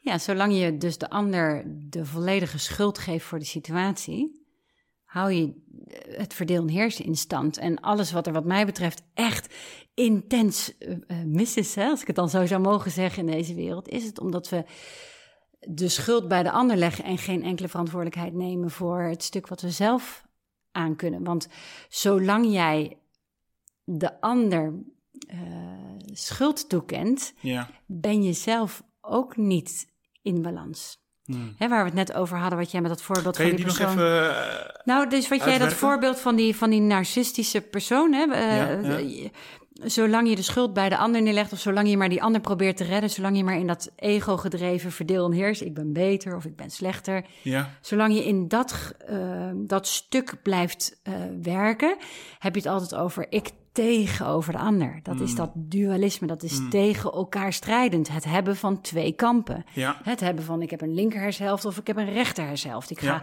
Ja, of op mijn emotie drijven of op mijn ratio drijven. Terwijl je als je dus vanuit de heelheid handelt, vanuit je hele zijn, dus je linker en je hersenhelft of je hart en je hoofd, of je staat op je linker en je beide rechterbeen, hè, dus met beide benen op de grond staan. Dus als je vanuit je heelheid handelt, ja, heb je nooit iets van de ander nodig. Hoef je hem niet af te keuren of zijn goedkeuring te hebben, want je hebt dus dat niet nodig, want je bent al helemaal heel. Ja. Dus zolang jij het nodig hebt om de ander te onderdrukken, zeg je eigenlijk, ik ben nog niet helemaal heel, of tenminste, je bent wel heel, maar ik voel mijzelf nog niet helemaal heel. ja, Ik, ik heb nog erkenning nodig of ik heb de mindere nodig. Ik heb iemand nodig die onder mij staat om Ja. mijzelf boven water te houden. Mm, Op het moment dat jij helemaal heel bent, heb je helemaal niemand nodig om te onderdrukken. ja, Dus als iedereen, hè, ik, ik, ik, ik weet niet zeker of ik dit, sorry voor de herhaling als het zo is, maar als, ik, eh, ehm, als iedereen iets meer tijd aan zichzelf zou besteden van, goh, wat zou dat hè, over mij zeggen? Of als iedereen, ik geloof als we het mondiaal met elkaar zouden doen, vijf minuten tevreden zou zijn. En tevreden is gewoon een hele relatief neutrale energie, waarin je dus niet bezig bent van, met wat je niet hebt of wat je hoopt te bereiken of wat een ander heeft gezegd, maar dat je gewoon denkt, nou, het is eigenlijk wel oké. mooi. Ja, Ik denk dat dat zo'n verheffende werking heeft op de wereld als geheel. Want ook de aarde is maar eigenlijk één grote eh, frequentie. Dat alles als sneeuw voor de zon zou verdwijnen. Daar, daar, daar. Ik, weet Dat- niet of ik het goed in woorden kan uitdrukken, maar dat is waar ik blind van overtuigd ben. Want Ja. in tevredenheid zit geen verdeel en heers. ja, Daar zit geen dualisme, daar zit geen egoïsme, daar zit geen eh, eh, halfjes of stukjes. Daar zit alleen maar, hé, hey, het is oké. ja. Dat is gewoon, eh, ja, het is gewoon het logische gevolg. Ja, Tevredenheid. Vergeving. ja, Is vergeving dan ook niet het, het, ja, het niet accepteren dat eh, het leven is zoals het is? Of dat, dat dit het is? Dus Ja. dat je eigenlijk nog steeds bezig bent met het verleden? ja.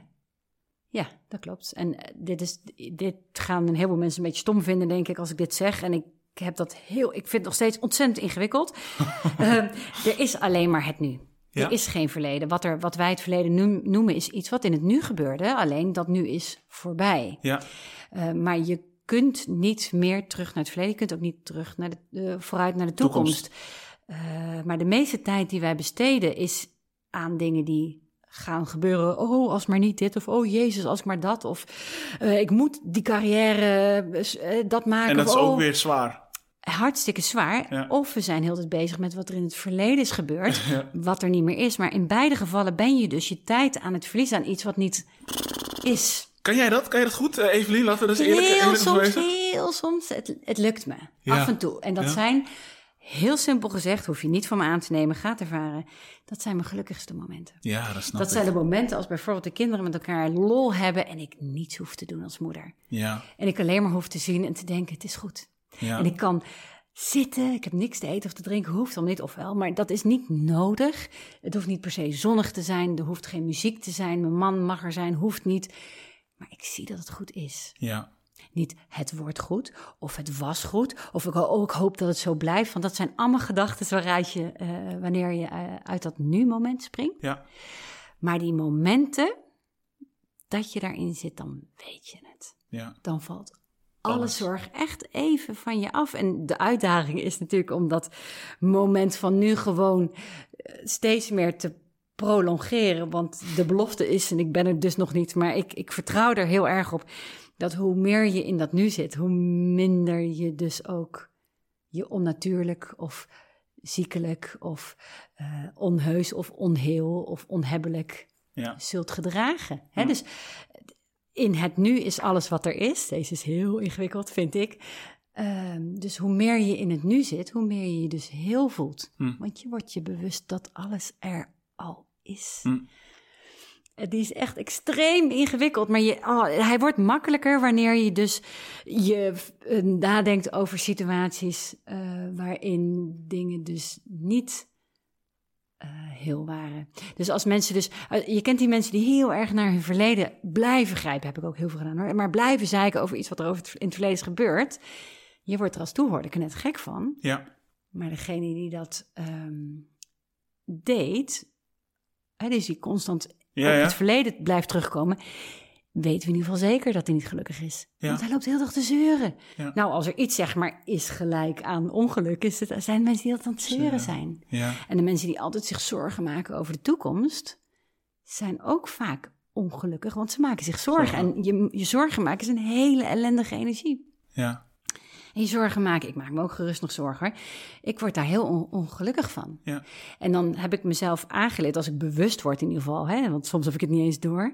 Maar als ik me bewust word van het feit dat ik me zorgen maak, ah, een paar keer ademhalen en eventjes denken, maar wat is het probleem nu? Nu. Nu, nu, nu, echt? En dan realiseer je, er is nu nog niks, maar mijn Ja. hoofd, mijn arme ik of mijn verdeelde heers of mijn ego, hè, Ja.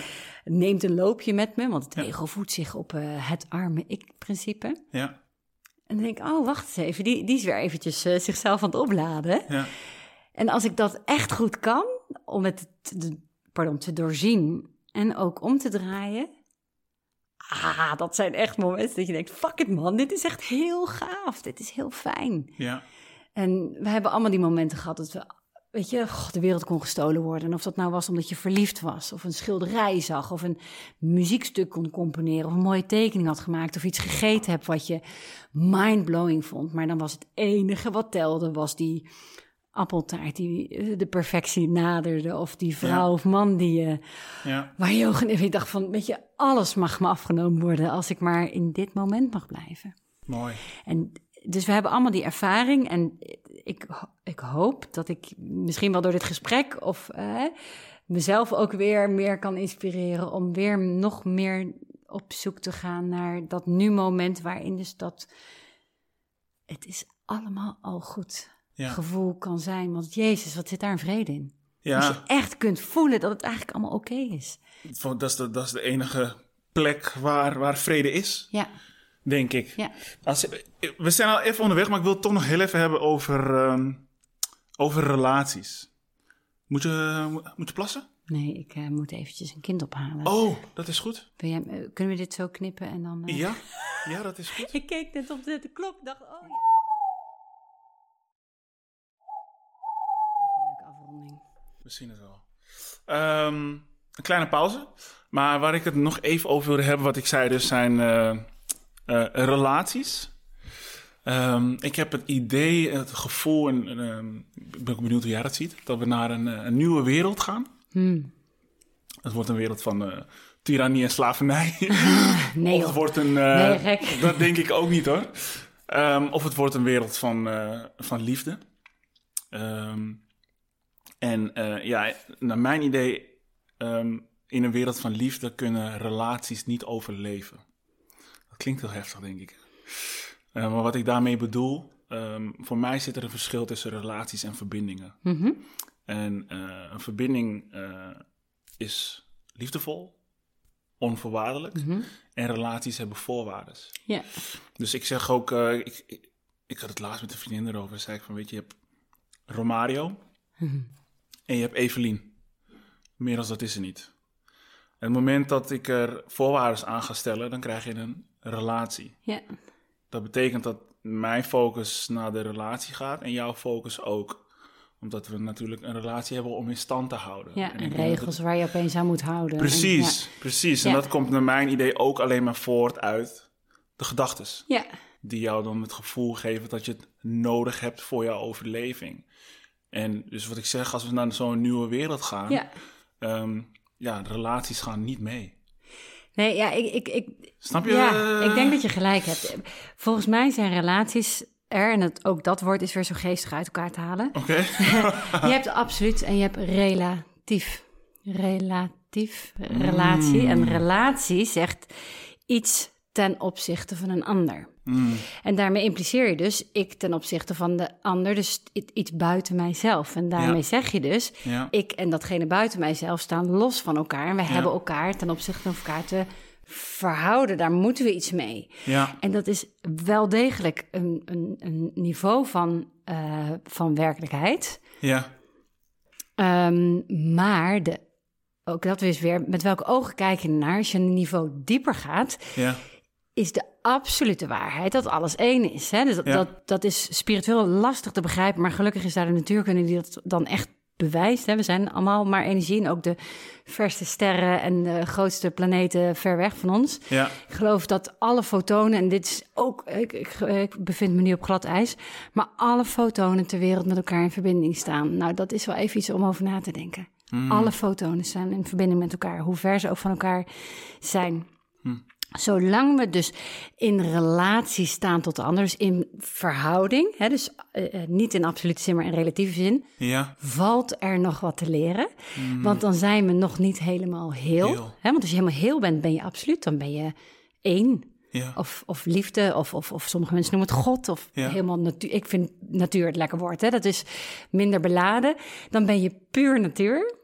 En op het moment dat je dus je moet verhouden tot de ander, dus nog, ik ga nou even mezelf tegenspreken, maar de, nog die les te leren hebt, of dat dekje eraf te halen hebt, ja, of dat wikkeltje, dan heb je dus die ander nog nodig om jezelf uiteindelijk voor heel of voor vol te kunnen aanzien. Dus relaties zijn nodig tot op het moment dat het niet meer nodig is. Tot op het moment je ziet voor wie je bent. Hè? Je bent al helemaal heel, je bent al helemaal goed.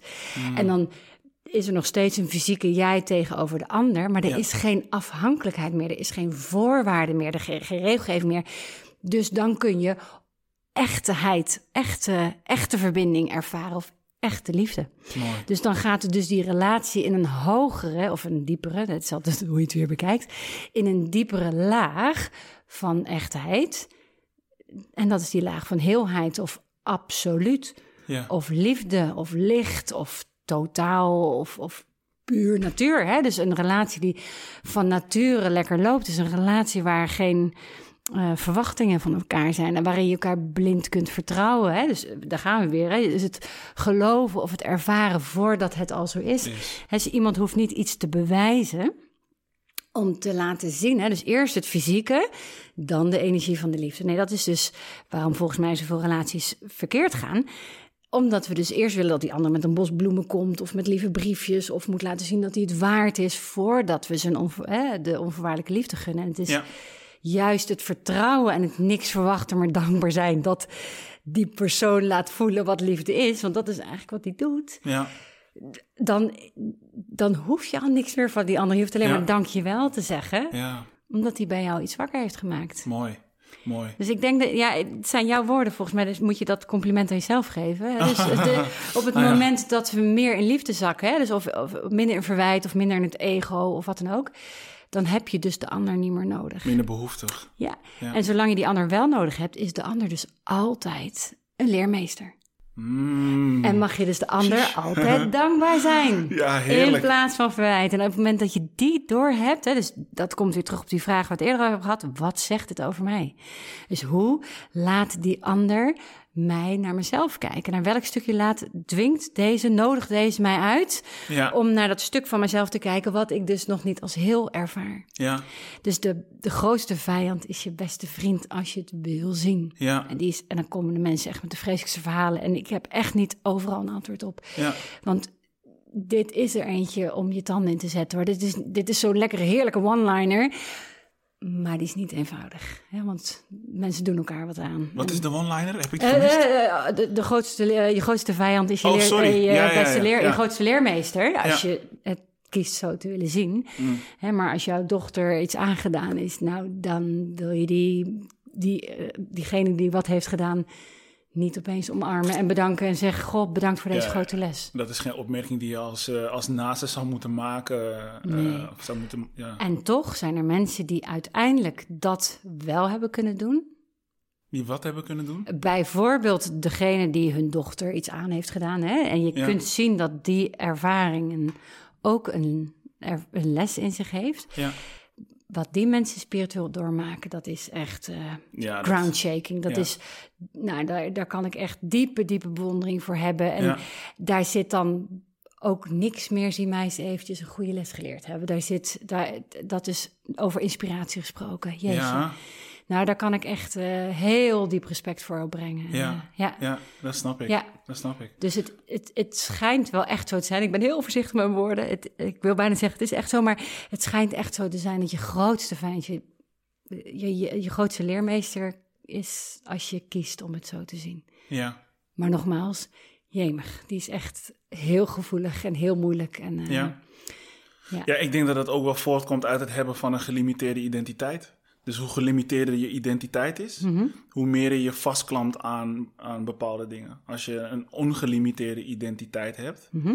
dan, dan voel je je ook veel meer één met de natuur. Ja. Dus dan zijn het niet bepaalde dingen die, eh, die van je afgepakt kunnen worden. Nee. Want er is, het, is, het is in principe al Ja. niet van jou. En dan zeg je denk ik hetzelfde van hè, op het moment dat je je heel erg identificeert met je fysieke verschijning. Dat is dus een heel beperkt stukje Ja. van wie je bent. Ja, Heel klein stukje. ja, Ja, dan, dan precies wat jullie zegt, dan, dan gaat het dus vaak mis. Terwijl als jij je helemaal eh, over kan geven aan al dat wat je allemaal bent, hè, wat je niet per se kunt zien, maar wat er wel is in die energie, ja. dan zul je veel meer verbinding voelen. Er zijn dan gewoon minder, minder regels, minder belemmeringen, maar veel meer mogelijkheden. Ja.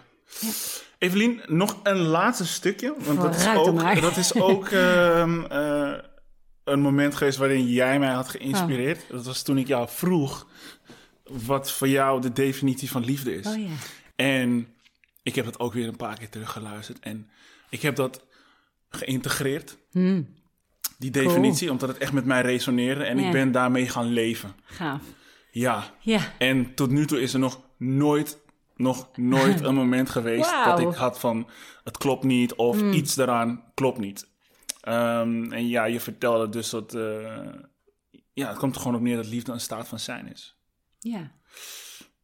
Kan je daar misschien nog even, even wat over zeggen, alsjeblieft? Eh, ja, ehm, ja, wat mij echt, echt geholpen heeft om tot nou, dat wat ik jou verteld heb te, in, eh, te komen, is dat het me hielp om te zien dat het woord liefde, energie, natuur, heelheid, eh, stilte, vrede, God, allemaal hetzelfde is Ja, bewustzijn.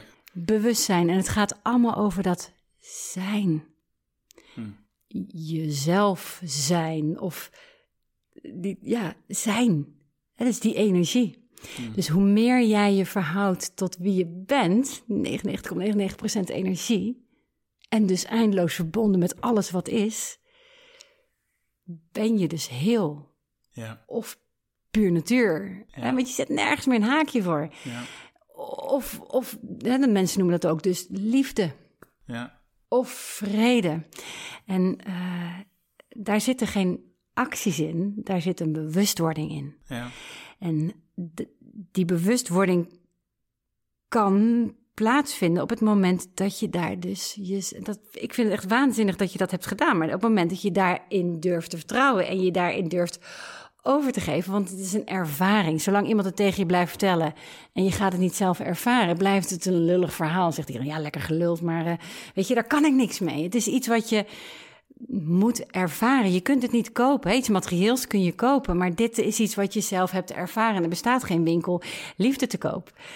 Want het is niet iets wat tastbaar is. Het is iets waar je alleen maar naar kan wijzen in welke richting het is.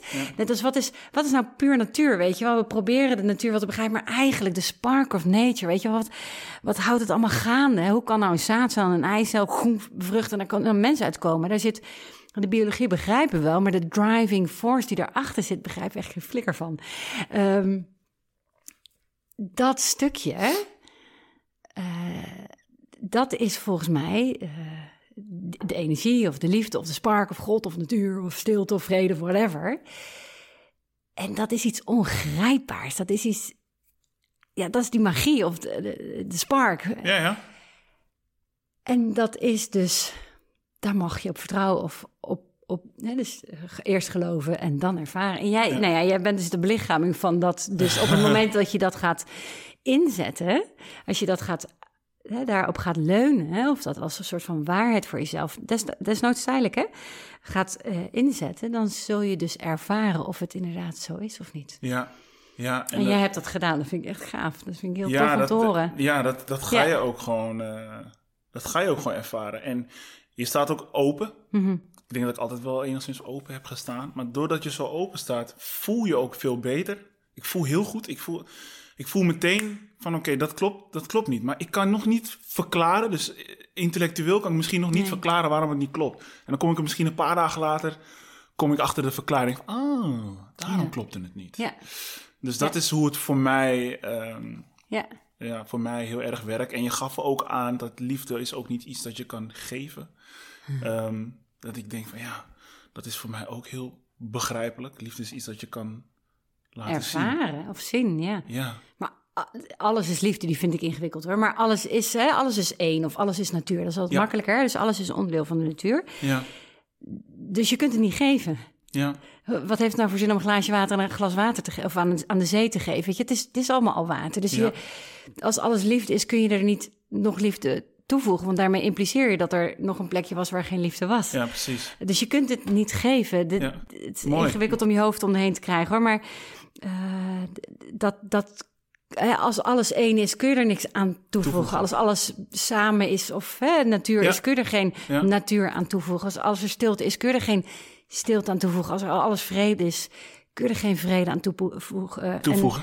toevoegen. blablabla. en dat is wat je net zei over die relaties. Ja. Het is absoluut, hè, dus de absolute waarheid. Ja. Er zullen ongetwijfeld duizenden mensen niet meer mee zijn. De absolute waarheid is dat, dat we allemaal één zijn. Of dat we allemaal onderdeel van het groter geheel zijn. Die is iets makkelijker om je tot te verhouden. Dat is de absolute waarheid. En hoe meer je je daartoe verhoudt, Ja, hoe meer je je dus heel zult voelen, want dat is de absolute waarheid. mm, Hoe meer je nog in relatie staat tot dat die dingen die niet liefde zijn, dan verhoud je je dus eigenlijk tot iets wat niet is. Die is echt super ingewikkeld. Maar eh, laat ik het al zo zeggen: je hebt een put waarin je een bodemloos put en een, een put waarin je je geld kunt gooien en dat blijft daar. En af en toe doet er nog een lief iemand nog wat geld bij. Dus als je Ja. je geld in die put eh, investeert, eh, wat iets opbrengt, dan zal dat iets genereren. En als je je geld in een put stopt wat een bodemloos put is, zal het, hoeveel geld je er ook in stopt, zal het niks opleveren. En dat is dus, alles is één. En als je daarin investeert, zal dat zich steeds meer aan jou laten zien. ja? En als jij je geld of je energie blijft investeren in dat er ook een heleboel niet heel is, of niet natuur is, of niet liefde is, dan zal je een heleboel energie, dat geld eh, als metafoor, investeren in iets wat niet is. Mm, Dus hoe meer je je kunt verhouden tot wat is. ja, Ik vind deze heel moeilijk hoor, dus ik kan het makkelijk zeggen, maar ik, ik, ik ben er zelf nog niet om dat helemaal zo te ervaren. Maar hoe meer je dus verhoudt tot de absolute waarheid dat alles heel is, of alles één is, of alles onderdeel van de natuur is, dan investeer je daar je tijd en energie in. En dan zal daarop je bewustwording groeien. Als jij je energie investeert in hetgeen wat niet is, dus wat een halve waarheid is, of Ja. geen waarheid eigenlijk, zal je je geld, dus lees je energie investeren in een bodemloze put, wat nooit iets zal opleveren. ja, extreem ingewikkeld. Want ik Ja. weet zoveel voorbeelden die echt onliefdevol zijn. Ja, En dan nog is het aan mij en dus aan de rest van de wereld om dus niet met dat ego-stukje ogen te kijken. Stomme jij, ik weet het beter. Maar dus vanuit Ja. een hoger niveau, hè, dus waar je het had over die fijnstoffelijke energie, om het vanuit een ander perspectief te zien voor wat het is. ja, En dat is wat Einstein zei. Je kunt het probleem nooit oplossen met het niveau waar het mee gecreëerd is. ja, Je, je, je, ja, je, je mag daar vanuit een ander perspectief naar gaan kijken. En ik denk dat hij beho- bedoelt een verheffender of een hogere, hoger perspectief. Hè. Noem het dan simpel gezegd een helikopterview. ja, Maar dan krijg je meer informatie. En dan kijk je dus niet met die kokervisie die zo exemplarisch is voor angst. Hè? Dus dan ga je in die kokervisie. is ook belangrijk. Hè? Als je moet vluchten voor een levensbedreigende situatie. Is dat het, enige wat je moet nastreven, hè? veilige haven. Maar op het moment dat er geen levensbedreigende situatie meer is... en die adrenaline dus niet nodig is... is het eigenlijk dus de bedoeling dat je visie weer open gaat... en dat je mogelijkheden ziet. Hè? Zodat je weer in de mogelijkheden stapt... en niet in dat lineaire denken van... eh, eh, die angst komt eigenlijk. die angst is het- de reden waarom we zo kokervisie zitten. hè. Dus de, de angst is fantastisch op het moment dat er een levensbedreigende situatie is. Dan moet je ook echt ik tegenover die ander zien. Want als je denkt, oh leuk man, een leeuwtje, oh ja, allemaal liefde. Ja, dan word je opgefroten, is je leven voorbij. Dus het is ook wel belangrijk dat we die levensbedreigende angst kunnen ervaren... en een Ja. kokervisie kunnen krijgen. Ja, Het is zo jammer dat we biologisch gezien, dus in onze hormonen, soms 40, soms 60 procent van de dag, onszelf in levensbedreigende situaties onderdompelen. Lees, we hebben stress. ja, Terwijl er niks levensgevaarlijks is. ja, Maar omdat we te hard werken, of omdat we leugens hebben, of omdat we boos op iemand zijn, zitten we in die stress. ja, En krijgen we die kokervisie, kunnen we niet, in oorza- eh, kunnen we niet ehm, vanuit een hoger niveau eh, eh, kijken of, of in, uitzoomen. ja, En zien we dus niet de mogelijkheden. Dus, zien we niet het groter geheel. Zien we Ja. dus niet voor wat waar is. Die vind ik dus moeilijk om uit te spreken. Maar Ja. ehm, hoe rustiger je bent, hoe liefdevoller je bent... hoe, hoe meer geankerd je in, je in je in jezelf en de heelheid dus bent... hoe beter je kunt zien voor wat het is. ja.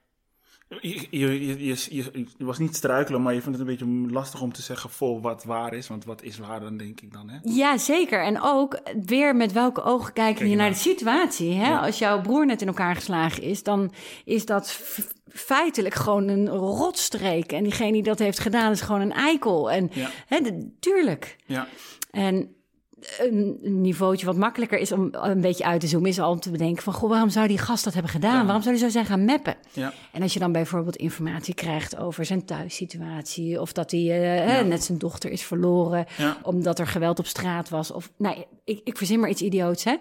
Dan begint er al iets meer te komen van, jeetje, oh, nou ja, ik begrijp in ieder geval wat het hij heel boos is, maar waarom moet hij mij dan iets aandoen? En dan kun je nog verder uitzoomen op een niveau. En dan kom je al op een wat meer slippery slope, wat alweer wat spannender is, dat we hier allemaal een rol uit de ja, eh, eh, uit te werken hebben. En dat is ja, veel, veel ontastbaarder. En daar hebben mensen als die van, ja, flikker op, ik ben hier toch niet om mijn kind te laten in elkaar slaan. ja, Hè? Ehm, maar we hebben allemaal onze dingen die we mogen aankijken. Het is net als een, net als een, eh, net als een film, hè? In een film kan je misschien een verschrikkelijke moordenaar hebben. Maar als je het verhaal meekrijgt van die moordenaar en hoe hij een moordenaar is geworden, heb je veel meer begrip voor Ja, ehm, de daden die hij doet. Ik precies. wil niet zeggen dat we het goedkeuren. Nee, precies. en precies. zo probeer ik ook te kijken naar. Ja, maar als het nog een keer of in het, eh, in het werkelijk leven gebeurt, Ja, wat het ook mag zijn, ja, ik weet dat er een verhaal aan vooraf is. ja. Dus ook dan ehm, is het misschien een stuk makkelijker om iemand te begrijpen en ook om te Precies. Weet Ja. gewoon dat er een verhaal aan vooraf zit, of je die verhaal Ja. nou kent of niet. Ja, maar dit zijn dus voor mij, maar voor iedereen denk ik ontzettend moeilijke dingen om echt Ja, te belichamen. Omdat je toch zo graag wil zeggen, ja, maar Ja. hij heeft mijn broertje in elkaar geslagen. Ja. Of wat dan ook. Het is zo heerlijk om die jas van verantwoordelijkheid niet te dragen. Want het is er eentje. weet ik, ik weet het. Het is er eentje. En het is zo lekker om iemand anders de schuld te geven. Alleen het is, dat gevoel van lekker is altijd een tijdelijk gevoel. Het is een vorm Mm. van verslaving. Hè? Van, oh, lekker, hij is stom, ik ben goed. Ja, ja, Maar in de long run zal dat zijn tol eisen. Ja, ja. ja. Evelien, ehm, we moeten hem afsluiten. Snap ik. Ehm, je werkt nu niet. Nee. Maar kan je misschien eh, verklappen of vertellen wat er... eh, of komt er nog wat aan? Of... Ja, ja, wat komt eraan? Geen idee. Hè? Eh, ik leef het nu. Nee hoor, ik probeer in het nu te leven. Ja. Ik ga zeker wel weer werken. Ja. Ik heb geen idee precies wanneer. Want iedere keer denk ik, oh, ik ga iedereen weer informeren. denk ik, oh, dat moet zeker. Eh, ja, oké. Ik was nou net bezig met niet meer zoveel moeten, Moeten. maar echt vanuit... Dus op het moment, en dat kan morgen zo zijn, dat kan over een maand pas zijn. Ik wil dus op het moment dat ik die mail stuur... geen enkel spoor van, ik moet... Ja, het duurt nu wel erg lang of het moet wel weer geld verdienen, weet je. Dat mag nul motivatie zijn. Als Ja. ik dus die mail stuur of mensen op hoogte stel, is het 100% dit is wat zo goed voelt. Bring it on. Ja. Want dan ben ik echt aan het belichamen wat ik zo mijn mensen in de praktijk ook altijd gunnen. Waar, en ik hoop ze tot nu toe ook altijd in ge- begeleid heb. Ja, Weet je wel, leef jouw leven. It's your life, weet je wel. Er is maar één iemand die precies weet wat de blauwdruk is. Ja. En daar kun je alleen maar achter komen als je bij jezelf te raden gaat. ja, En hoe meer je bij jezelf te raden gaat, hoe meer je met jezelf aligned, hoe meer je op jezelf kunt terugvallen, hoe zuiverder jouw boodschap is. En dus wat je uitzendt, zul je weer ontvangen. Dus ik zal een veel betere therapeut zijn, vermoed ik, wanneer ik dus heel zuiver daarin ben. ja, En wanneer ik het toch doe omdat het geld, of omdat ik, ja, kan het niet maken, of eh, nou, ze vinden er wat van. ja. Dan is mijn motivatie niet zuiver. Ja, de intentie is ook anders. Minder natuurlijk. En Ja. dus haaks op hetgeen wat ik in mijn boek schrijf of Ja. in de praktijk vertel. En Ja. dus niet eerlijk. Ja. Ja. mooi. Geweldig, echt, Ja. eh, echt geweldig. nou, sowieso dat boek hebben we nog, hè? Zoals een, ehm Boom. leef zoals een boom. Zeg het goed? Leef zo, leven Zo, nee, alleen zoals een boom. zoals een boom. Zoals een boom, ja. Ja. Mocht je niks doen, dan is dat sowieso nog eh, iets waar mensen heel lang op kunnen teren. Hmm. Want het is echt, eh, ja, gewoon een goed boek. Meer kan ik er niet van maken. Niet te dik. Niet te dik. Helemaal nee, niet dik. Nee, helemaal En begrijpelijk, begrijpelijke stof. Ja, Dus dat is ook al eh, iets om op te pakken voor de mensen die dat nog niet hebben gedaan. ja. Ik bedank je, Evelien. Ja. Ik vond het leuk. Dankjewel, Fijn dat je hier nog zijn. Leuk Hier in, eh, in. Halsteren. Ik ben Ja. helemaal Halsteren mensen. En het is, eh, Ver weg van Amsterdam. het is ver weg, ja. Maar zo kom ik ook nog eens ergens. Ja. Zo leer ik ook nog eens wat. Dus, nee, bedankt. Verbinden met Roms. Verbinden met